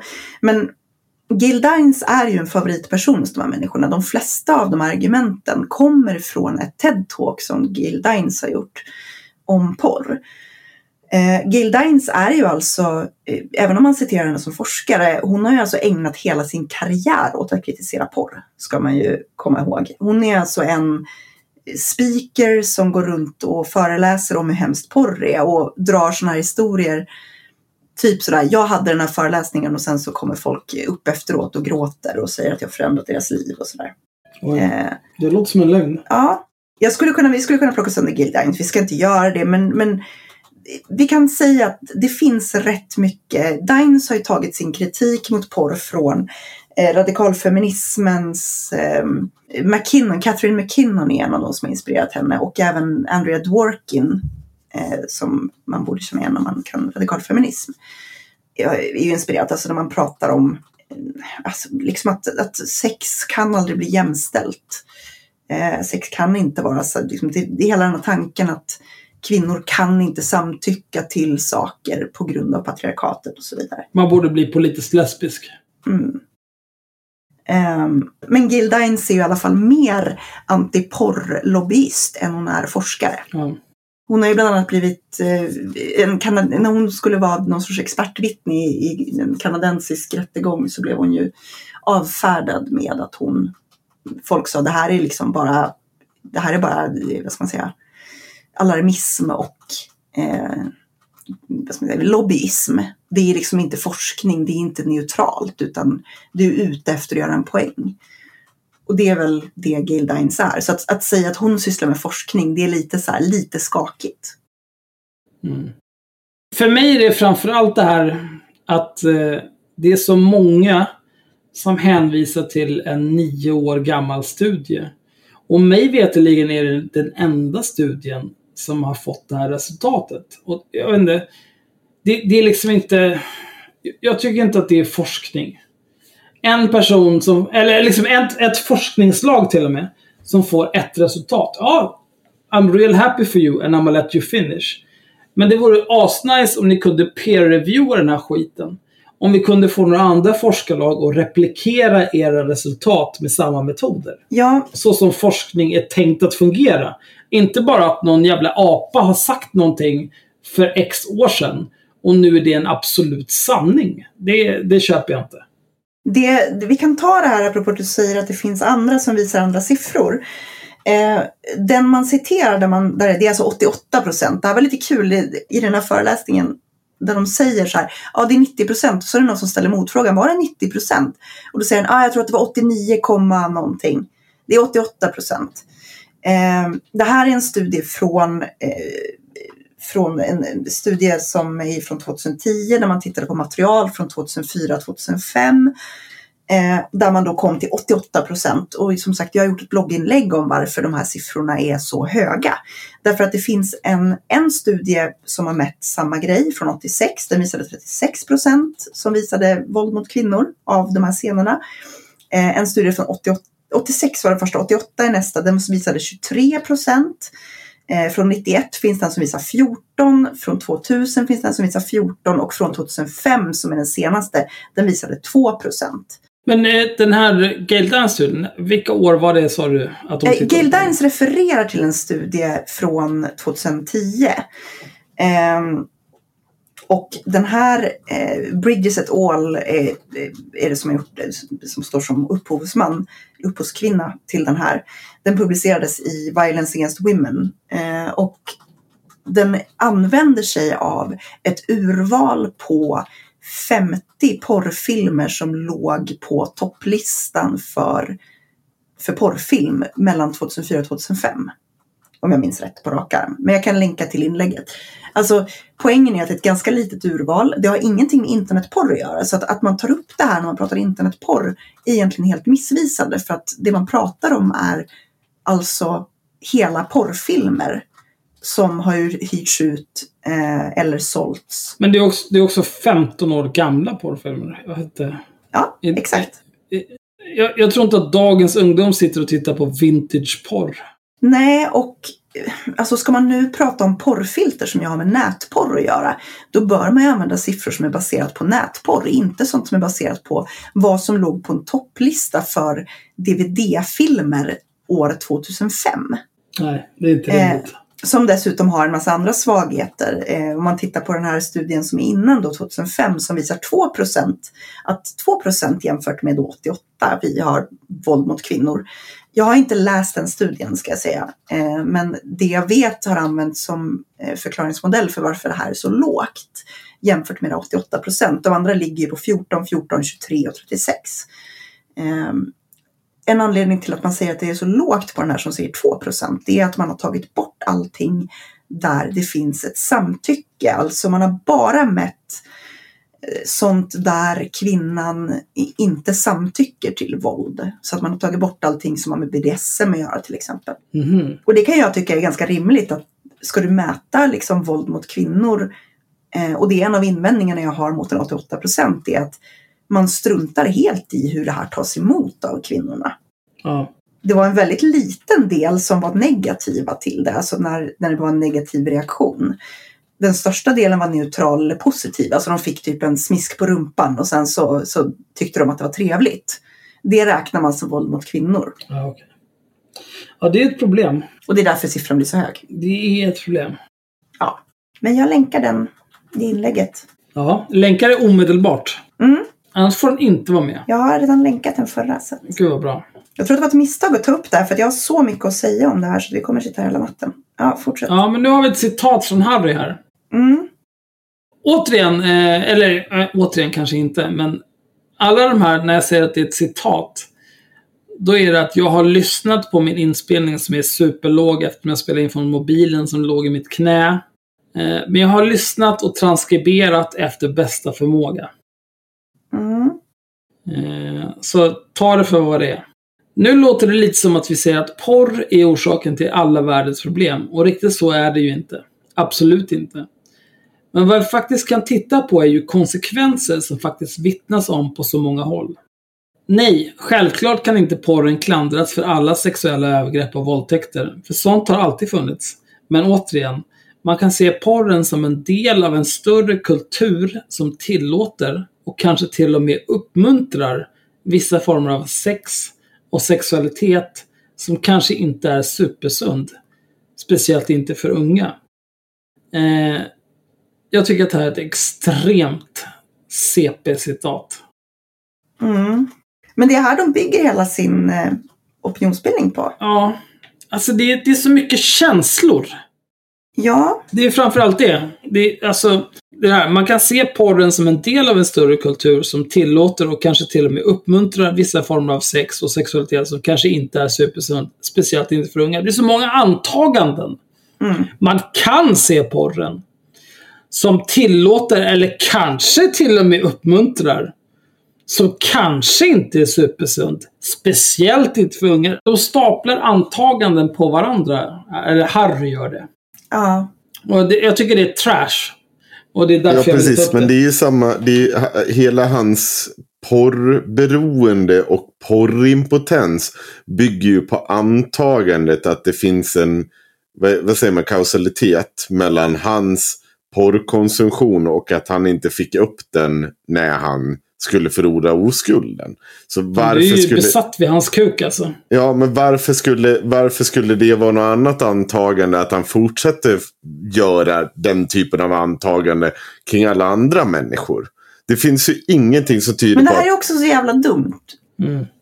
Uh-huh. Det finns ingenting som tyder på det här. Det är det, det är det här som är ytterligare en grej som driver mig till vansinne. Alltså jag har ju en hel jävla föreläsning om det här där jag försöker gå igenom så bara, vad säger forskningen? För den säger inte det här.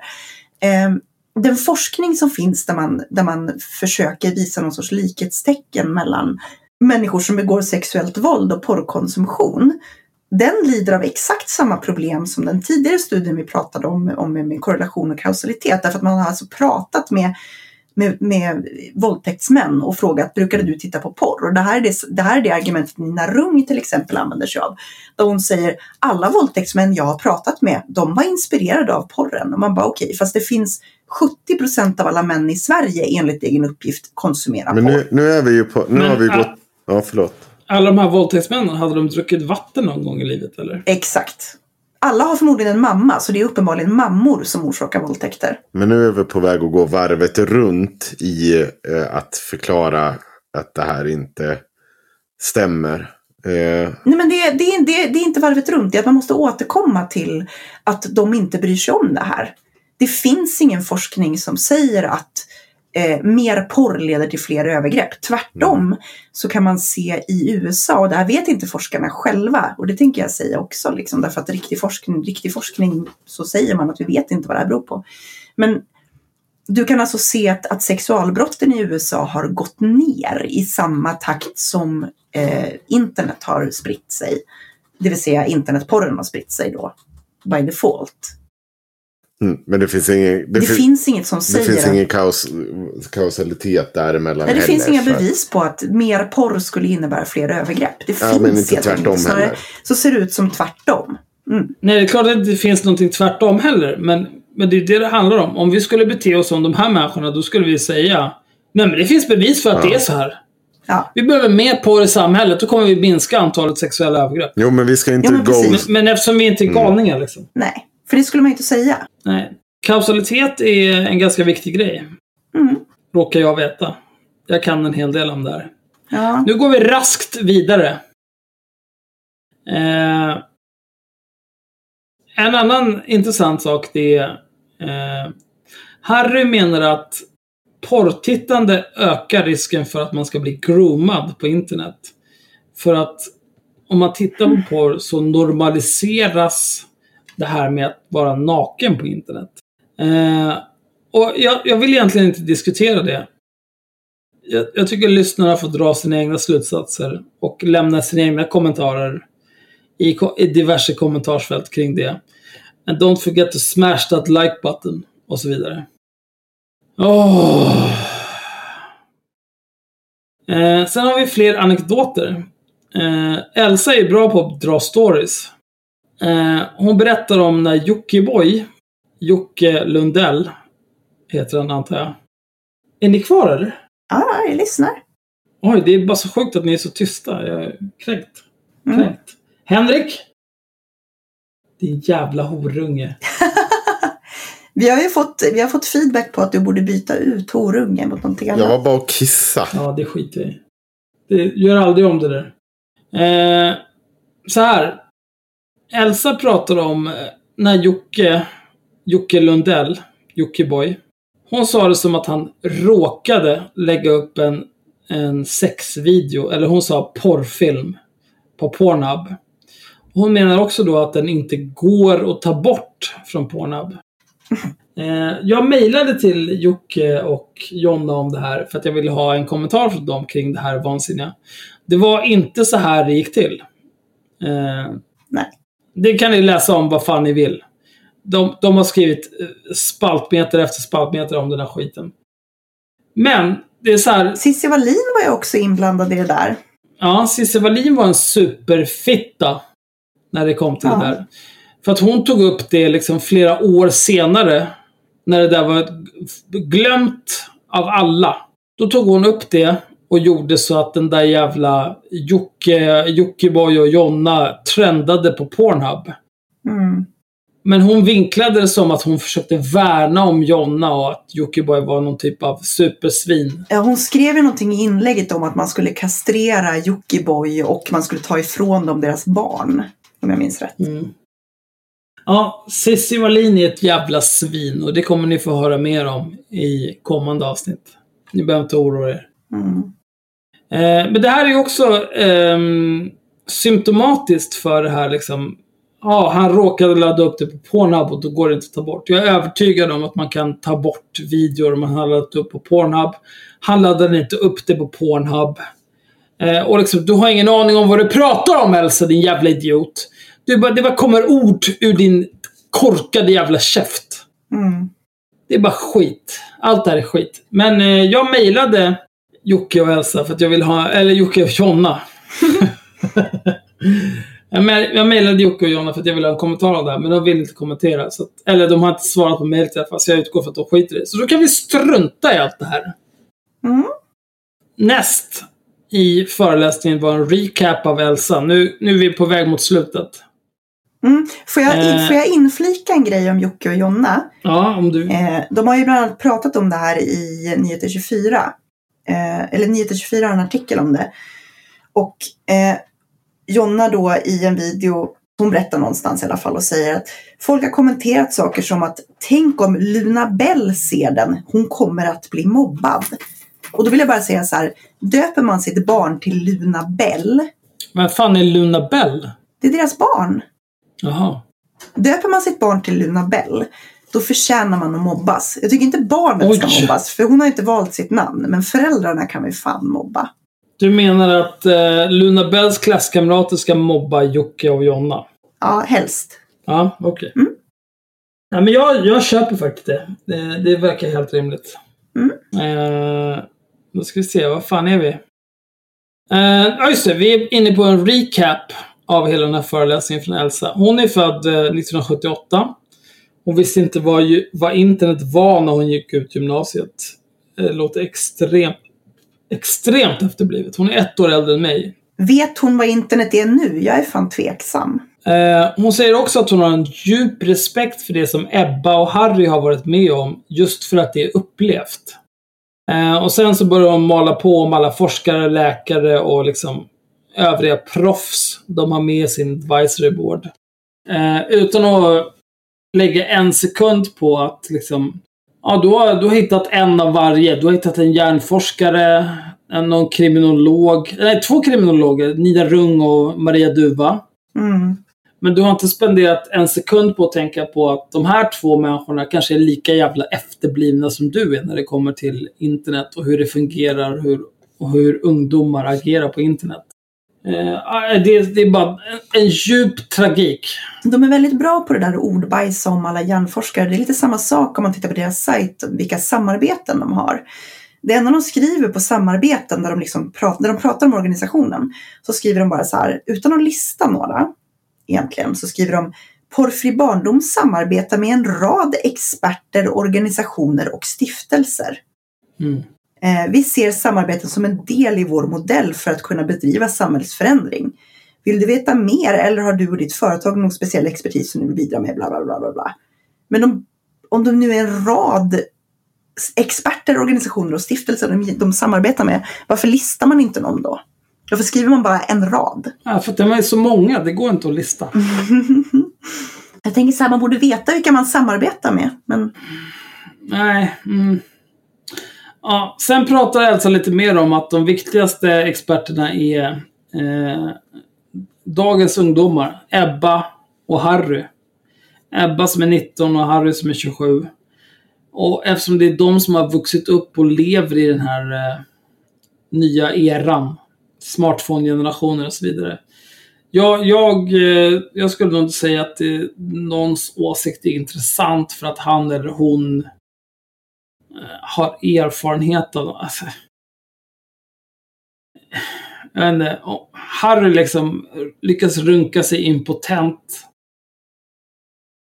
Jag vet inte, varför skulle jag lyssna på honom vad gäller någonting? Det är uppenbart en helt oduglig människa. Det är helt vansinnigt. mm. Hur är det möjligt? Eh, och sen maler hon på lite till. Hon menar att hon kan installera porrfilter hemma och prata med sina barn om porr. Men det enda sättet för att få ett fullgott skydd för sina egna barn, det är att se till att engagera hela, samtid, eh, hela samhället. Och hon menar att eh, det här med porr via internet, det är ett kollektivt problem. Mm, och, och det, visst, det kan jag hålla med om, om man ser det som ett problem. Men är det ett problem? Så här, sex och samlevnad, eh, kommunikation och samtycke, allt det där, det är ett kollektivt problem vi, vi möter, inte bara som samhälle, utan som art. Mm. Men, du kan lösa så att eh, dina jävla ungar inte ser porr på sina enheter själv. Du kan dega 49 spänn till Comhem eller Telia eller vad fan det nu var. Du kan fixa NetNanny eller vad fan som helst. Du kan lösa det där själv. Du behöver inte blanda in mig. Du behöver inte blanda in skattebetalarnas pengar. Lös det själv. Jag vill inte betala extra för att du har barn som du inte vill uppfostra själv. Det där är inte mitt problem, det är ditt problem. Mm. Åh. Nu är vi, vi är fan nästan klara. Jag vet. Nej, vi, nej, vi är nästan är vi inte alls klara. Vi kan ganska snabbt sammanfatta varför eh, Storbritanniens porrfilter inte funkade. Eller varför det inte blir något porrfilter. Ja, ja då ett go, go.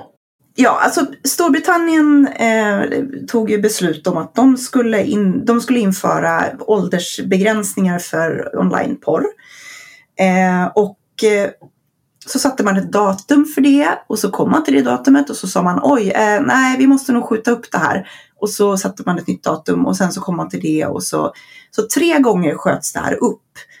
Eh, Fram då tills nu i oktober, eh, mitten på oktober, 16 oktober ungefär, så, så går man ut och säger nej, vi kommer inte att genomföra det här. Eh, och eh, det var ju lite intressant som sagt eftersom, det, och det här sa vi i början att eh, Porrfri barndom har ju använt det här som ett exempel på att det går visst att lösa. Eh, titta på Storbritannien. Eh, senaste gången det blev uppskjutet var ju i juni i år. Och då sa man att ja, men vi behöver sex månader till. Och eh, nu har man sagt att nej, den här delen kommer inte vi att införa. Eh, det direkta citatet är The Digital Economy Act objectives will therefore be delivered eh, through our proposed online harms regulatory regime. Så att det man pratar om lite grann det är att man ska ha andra lagar online som ska motverka massa annat som kan vara skadligt. Och att det ska på något sätt gå in under de här istället då. Men än så länge så har man inte lagt fram några förslag på hur det ska vara en del av det här.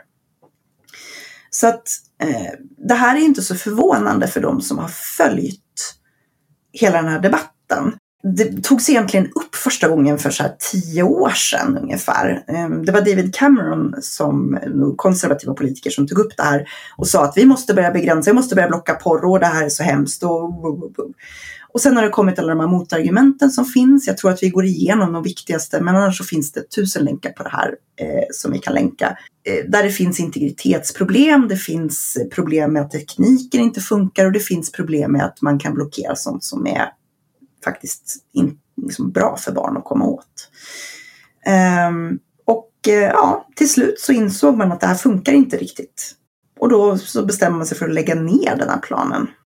Eh, Så att jag tror att första, jag måste bara se om jag kan Ja, det började i 2016 började man prata om det här och sen har det liksom skjutit upp och skjutit upp och skjutits upp. Så att från 2017 tog man beslutet att man skulle införa det. Mm.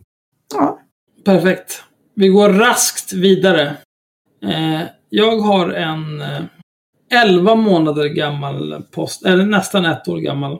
Alltså, det, det är viktigt att tänka på hur klandervärda de här organisationerna har varit historiskt. mm. Jag har en post här. Och nu blir det en hel del högläsning. Det får ni bara härda ut. Det här är Porrfri barndom som publicerar det här 11 november 2018.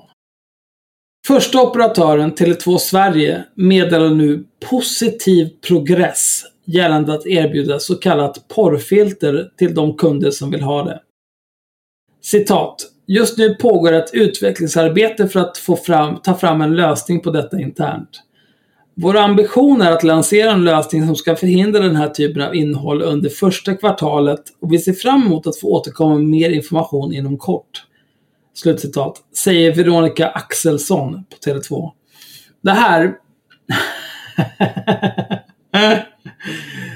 Sådana här saker så här. Just nu pågår ett utvecklingsarbete för att ta fram en lösning på detta internt. Det här är corporate för fuck you. Mm. Tack för din åsikt betyder det. Ingen är intresserad av att ta i det. Ja, ja mm, jättebra. Vi ses, vi ses i Kista. Det är vad Tele2 säger här. Goda nyheter att detta på, är på gång, men vi påminner samtidigt om den akuta situationen där barn dagligen exponeras för dagens ofta pedofila, rasistiska, sexistiska och våldsamma nätporr via Tele2s nät. Mhm. Det är extremt aggressivt där. Ja, jag har några bra exempel på saker som porrfri barndom tror existerar i dagens mainstream-porr. Som jag kan ta vid tillfälle. Ja, det får du ta sen. Mm. Vi förväntar oss även att Tele2 tar med sig nyförvärvade Comhem och Comviq. Tele2 har väl ägt Comviq sedan Dackefejden. På tåget så att era kunder kan få porrfritt både i mobiltelefoner och på internet hemma om de vill samt genomföra en bred informationskampanj så att alla era kunder vet om att erbjudandet om porrfritt finns att tillgå. Hur går det för övriga? Och så taggar de om Halebop, Telenor, Sverige Bredband 2, Klart de är det. Eh, tre Sverige, Boxer, Telia, hashtag porrfri barndom, Kids2, psykisk ohälsa, fysisk ohälsa, barnrätt. Oj! Mm. Men här ska vi läsa glassiga kommentarer alltså. Det här är gött. Då är det någon eh, jävla stövelslickare på Tre Sverige som har svarat. Hejsan! Vi på Tre jobbar kontinuerligt med de här frågorna då vi även givetvis ser allvarligt på detta. Genom samarbete med Ecpat och polisen blockerar vi sidor med olagligt innehåll enligt information vi får från polisen. Listorna anger sajter som innehåller sexuella övergrepp på barn som då stängs av och inte går att nå. När det gäller övrigt skydd och filter på internet har vi tjänsten 3 Säkerhet där man kan skapa ett anpassat skydd för hela familjens digitala liv. Och här kommer livets jävla svar från Porrfri barndom. Observera då att det här är ett år gammalt, men ändå. Mm. Hej! Bra att tre samarbetar med Ecpat gällande dokumenterade sexuella övergrepp på barn. Gällande nätporren så är det ofta minderåriga som medverkar även där. Bland annat på grund av sextrafficking med barn. What? Det finns alltså inga garantier för att nätporren inte är dokumenterade sexuella övergrepp på barn och borde hanteras därefter. Innehåller er tjänst 3 Säkerhet så kallat porkfilter teknisk lösning som förhindrar exponering för nätporr? Frågetecken. Alltså de är ju hem hos skolamammor som inte vet vad en dator är. Jag blir vansinnig. Nej, tyst nu Myra. Tyst, tyst. Vi märker av ett stort informationsglapp gällande ert utbud hos era kunder som hör av oss till oss om hur de kan skydda barn från nätporr på ert nät. Hur kommer ni säkerställa att ert erbjudande om skydd når ut till alla era kunder? Kommer ni bland annat sökordsoptimera ordet porrfilter på er sajt så att era kunder hittar lättare? Kommer ni fronta och puffa på startsidan? Kommer ni göra utskick direkt till era kunder om att tjänsten finns? Kommer ni göra en bred informationskampanj gällande barnvänligt surf hos er? Tar ni extra betalt från barn och barn... Från barn! Hoppsan. och barnfamiljer för att de som inte vill exponeras för porr via Tresnät ska slippa. Och det här är det bästa. Ska ni UX-optimera så att en 12-åring som redan är porrberoende via ert nät enkelt kan få hjälp att filtrera porren om hen vill? What the fuck alltså. Det är bara trams. Det fortsätter. Ja. Hen vill inte berätta för sina föräldrar om sitt porrberoende och ber dem göra beställningen av er åt hen. Det, det är bara trams. Mm. Vi får regelbundet den här typen av frågor i vårt nätverk av yrkes, yrkesverksamma som arbetar med barn. Skolsköterskor, Klart ni gör. kuratorer, barnpsykologer, barnläkare, ungdomsjourer, Ja, kriminologer med Nina flera. Rung, det är en person. Det är tyvärr en reell... Håll käften! Håll käften! Detta är tyvärr en realitet 2018 och det är ert ansvar som operatör att erbjuda gratis UX-optimerat och sökordsoptimerat skydd för alla barn som önskar. Men de vet inte ens vad det betyder. Vi ser fram emot ett svar. Det har gått 49 veckor, de har inte fått något svar från tre. Nej. Förmodligen för att det är uppenbart att de inte vet vad fan de frågar efter. UX-optimerat. Alltså, vem ställer ens en sån fråga? Det betyder ingenting. Om vi skulle ringa till Elsa Lantz nu och be henne definiera UX-optimering. Tror ni att hon skulle kunna svara på frågan? Det är bara massa jävla modeord. Ja. Hon, hon, hon, hon, hon är en jävla boomer. Hon vet inte vad hon pratar om. Nej, och då kanske man ska lyssna på typ forskare som älskar dunkel som faktiskt jobbar med, jag tror inte att jag har pratat med en enda människa som jobbar med unga och internet. Alltså som faktiskt jobbar med unga.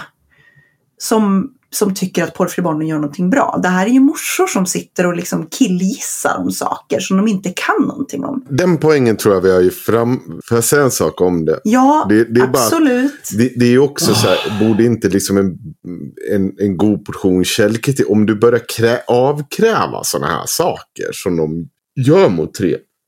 Det borde ju få någon att reagera. Vad är det du, vad fan är det du säger där? Men de, de gör ju inte det. De, de ställer ju exakt samma, de håller ju samma ton mot politiker. Det är ju det som är läskigt. Jo, men, men då... Jag vet att Axel De är ju sjuka i huvudet. Det är det som är problemet här. Men politiker köper Alltså det ju. den här, den här äckliga jävla Nackamorsan. Hon, som hon säger, hon, hon bedriver politisk påverkan tillsammans med den här jävla kucken Harry.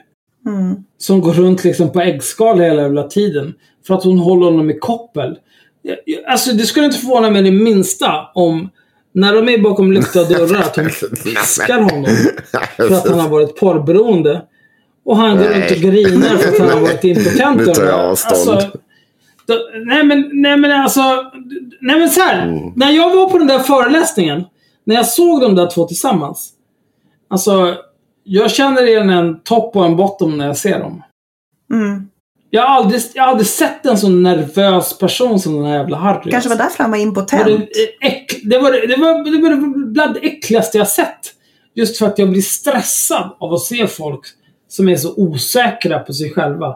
Så osäkra på sin egen plats i den eh, miljö de är i. Mm. Och att han hela tiden, när han höll sin, de delar av föreläsningen han höll, då tittade han hela tiden på Elsa liksom. Ja, du, jag du, du menar, får ja, men okej, får jag, får jag säga en sak då, då? Det du menar är att jag hoppas att jag säger rätt nu. Jag hoppas att det, det är, är det okej om jag säger det här? Är det liksom så att du söker bekräftelse i någon... För det här är ett fenomen som inte är helt... Som inte jag har sett i många föreläsningssammanhang. När det står någon som är mycket mer erfaren och föreläser med någon som är mindre erfaren. Eh, Jo, men, behöver inte varför det- skulle Elsa vara mer Ta det erfaren lugnt. än Harry? Får jag säga klart? Nej, det får Det kan också uppstå när det är två olika typer av maktposition. Om kvinnan här, i det här fallet Elsa, som är grundare av organisationen, har en högre maktposition än Harry. Och han står... Jag säger ju att han är kuckad. Jag fattar inte vad problemet är. Ja, men man kan ju också man kan ju beskriva det på olika sätt, Axel. Det, det går ju att göra. Han är kuckad. Ja. Han är kuckad. Ja, okej. Henrik är lite nervös för att framstå som kvinnohatare nu så vi måste vara väldigt, väldigt känsliga för. Nej, absolut inte.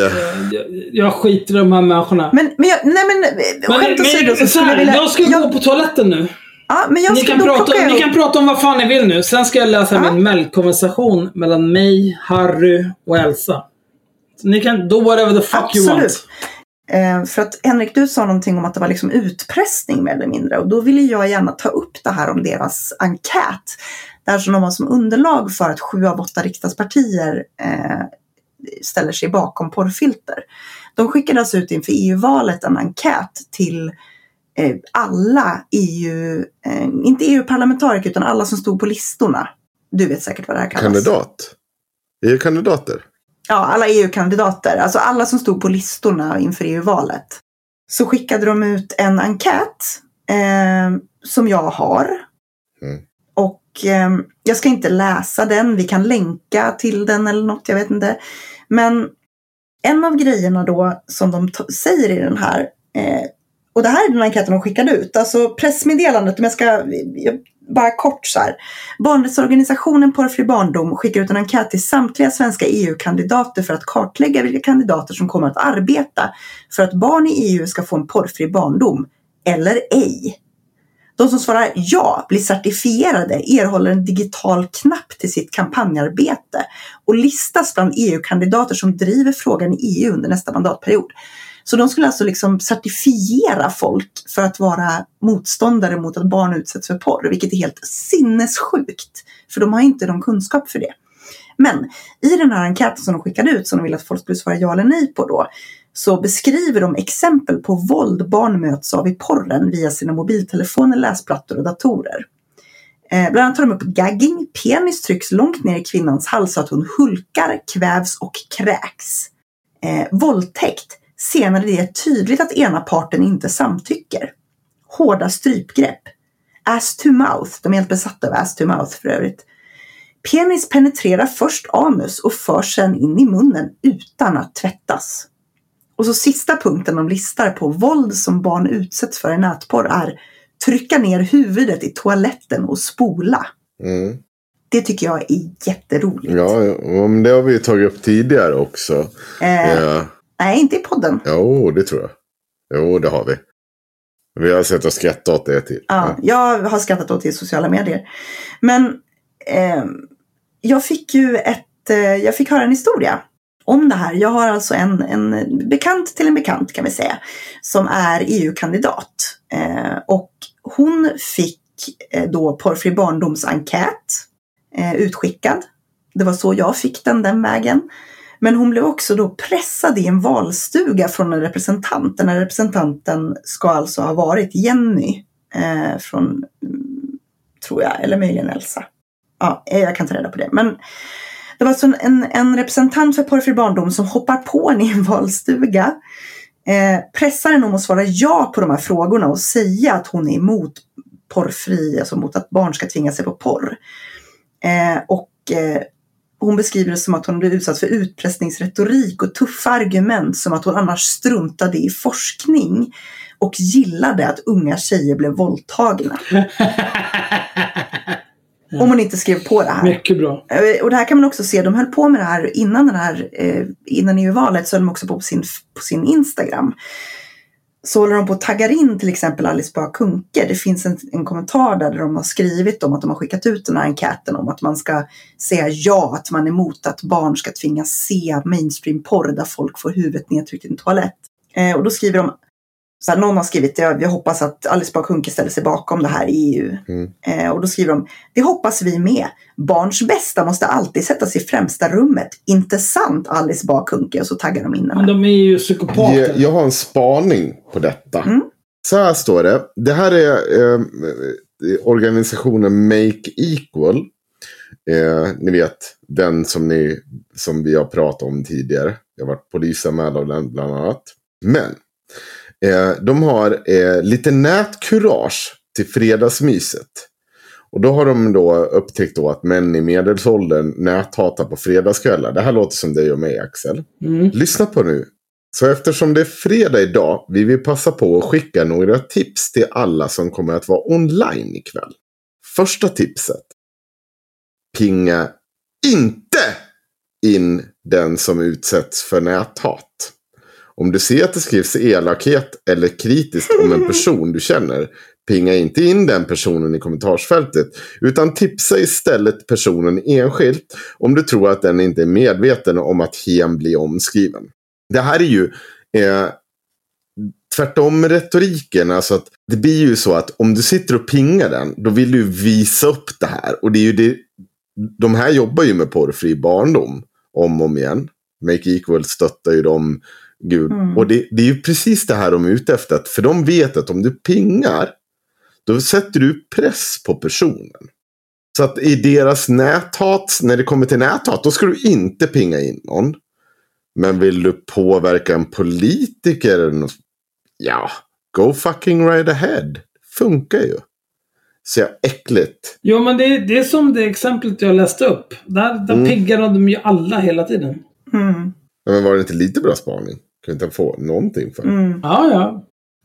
Men vi fick ju samtidigt, eh, jag och vår, vår bekanta Frans tog ju upp det här när vi uppmärksammade eh, att, så här, vad fan, för då hade de ju listat alla partier och alla de här EU-kandidaterna som hade skrivit, bara svarat ja, för de har ju skrivit att vill du jobba för att barn inte ska tvingas våldtas, typ? Mm. Och då säger folk såklart ja, jo det vill jag väl visst, whatever.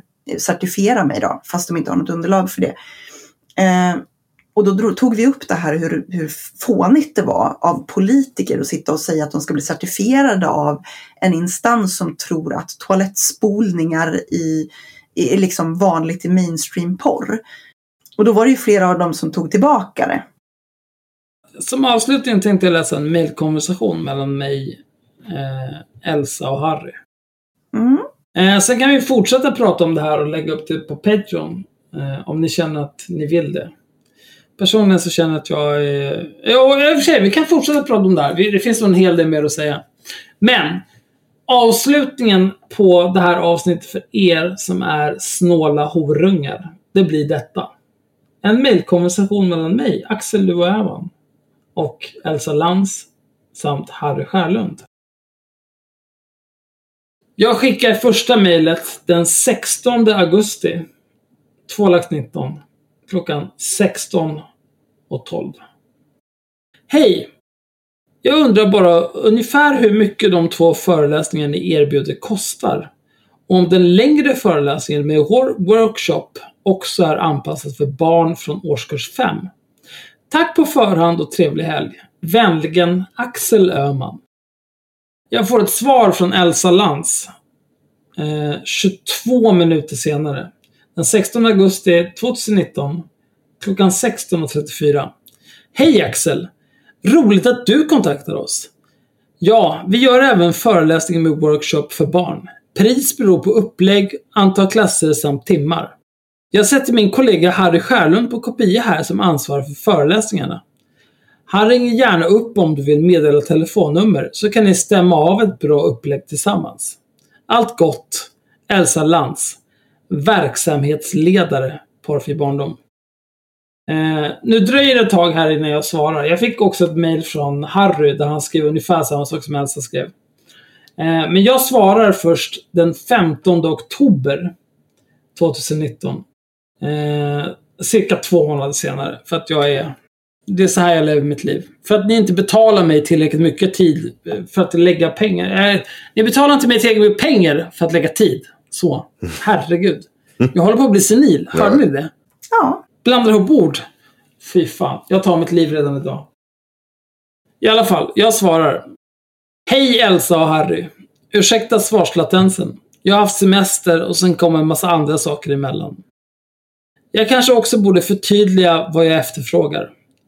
Jag är inte i position att hyra in er till en föreläsning. Dels då jag inte jobbar med barn eller ungdomar och dels för att vi redan har relativt hårt filtrerat internettrafik på min arbetsplats. Anledningen till att jag frågade om pris är för att jag utgår från att ni i flera fall kommer att fakturera skolor och få betalt med skattepengar. Jag, Henrik Johansson och Myra Åbäck Örman har i podden Haveristerna haft som särintresse att granska den typen av verksamhet. Senast med Linnea Claesson. Vi har också haft Linnea Dunkel som gäst. Länk till avsnitt 49 med Elsa Dunkels. sa du Linnea Dunkels nu? Nej, jag, inte, jag utgår ifrån att du sa Elsa Dunkels. För det var det jag menade. Ja, jag, jag kanske, det var kanske var en freudiansk felhörning för mitt håll. Ja, det- du, du är Ja, full. jo, du är ja, full. absolut. du är full Myra. Det är ditt fel. Vi har också haft Elsa Dunkel som gäst och efter det föddes tanken om att göra ett avsnitt slash segment om porrfri barndom. Med, an- med anledning av detta skulle jag uppskatta svar på följande frågor. Mm, mm, mm. Dricker lite vin här Och bara. det hörs att du sitter och slurkar. Unna dig. Ja, ja, visst. 1. Vad kostar en föreläsning? Har ni ett exempel på upplägg, deltagarantal och kostnad vore det fantastiskt. 2. Vad inbegriper workshopen? 3. Jag förstår att det var kort om tid under den crash course ni hade på Medborgarskolan.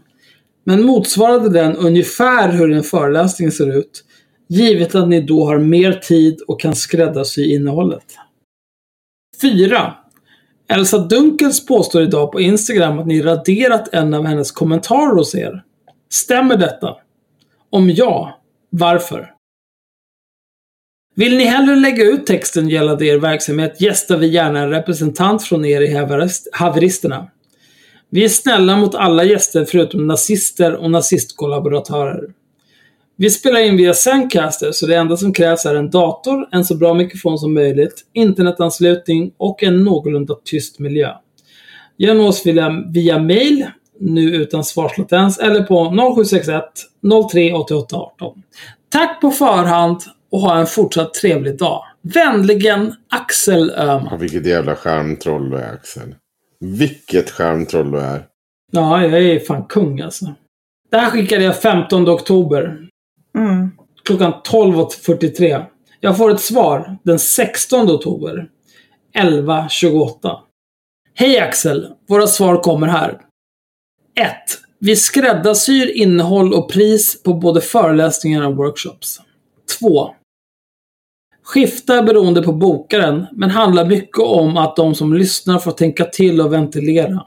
Alla har olika erfarenhet av ämnet. Mm. Det här var då svar på vad inbegriper workshopen.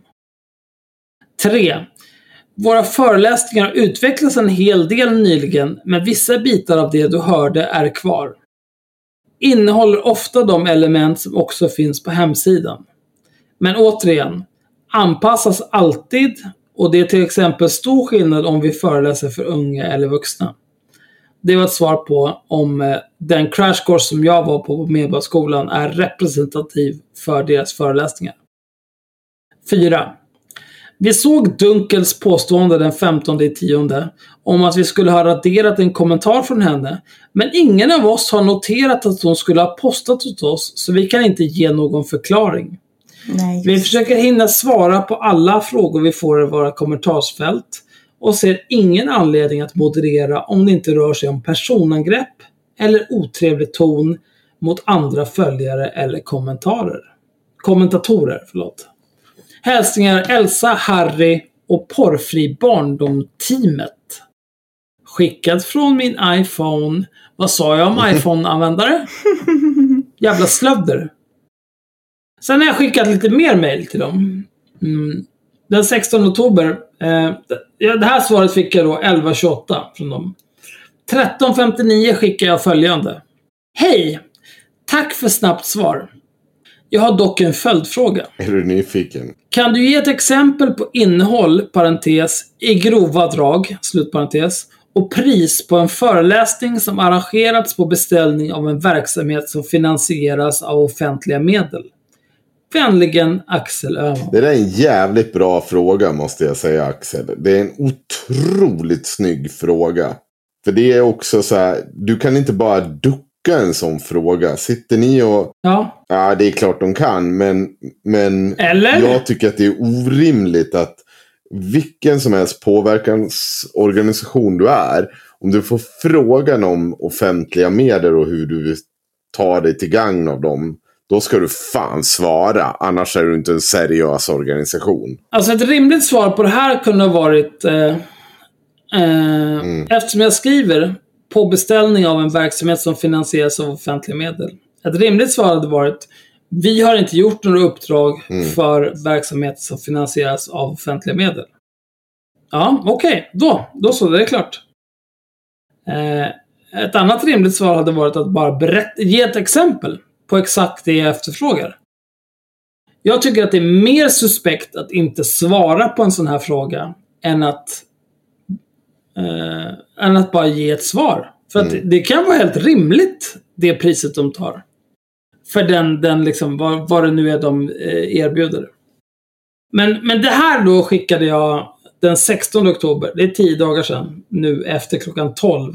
Nu är vi inne på 26. Eh, den 17, dagen efter, den 17 oktober 1653 skickade jag så här. Hej igen! Det skulle också vara intressant med en kommentar från er gällande att Storbritannien slopar idén om att införa ett nationellt porrfilter. I alla fall i den form som tidigare föreslagits. Och så länkade jag den första artikeln jag såg om det där som var från The Independent. Vänligen Axel Öhman. Inget svar. Sen har det gått ett par dagar och eh, senast idag, eh, 2012 idag, det är alltså nio dagar sedan jag senast mejlade till dem och de har inte svarat. Idag mejlade jag Hej igen! Vi kommer att spela in ett avsnitt om er organisation cirka 21.30 ikväll. Innan dess skulle jag uppskatta ett svar på tidigare ställd fråga och en kommentar på Storbritanniens slopande av ett nationellt porrfilter. Erbjudandet om att gästa haveristerna i ett senare skede kvarstår givetvis. Trevlig helg! Vänligen Axel Öhman. Ja, Det är bra. Det är Fuck bra. you. Otroligt bra och konkret ställda frågor. De här människorna är charlataner. Bara det faktum att de inte svarar på den här typen av frågor borde säga allt man behöver veta om de här jävla svinen. Men det är ju samma sak som att de alltid bokar av. Eh, jag vet inte hur många gånger de har undvikit att debattera mig i den här frågan. Till exempel. Mm. Men vi måste tyvärr eh, klippa här. Jag... Det är trist att det skulle bli så här, men... Ja, eh, nej, men alltså, jag, vi hinner ju jag, inte riktigt med det här. Nej. Det går inte.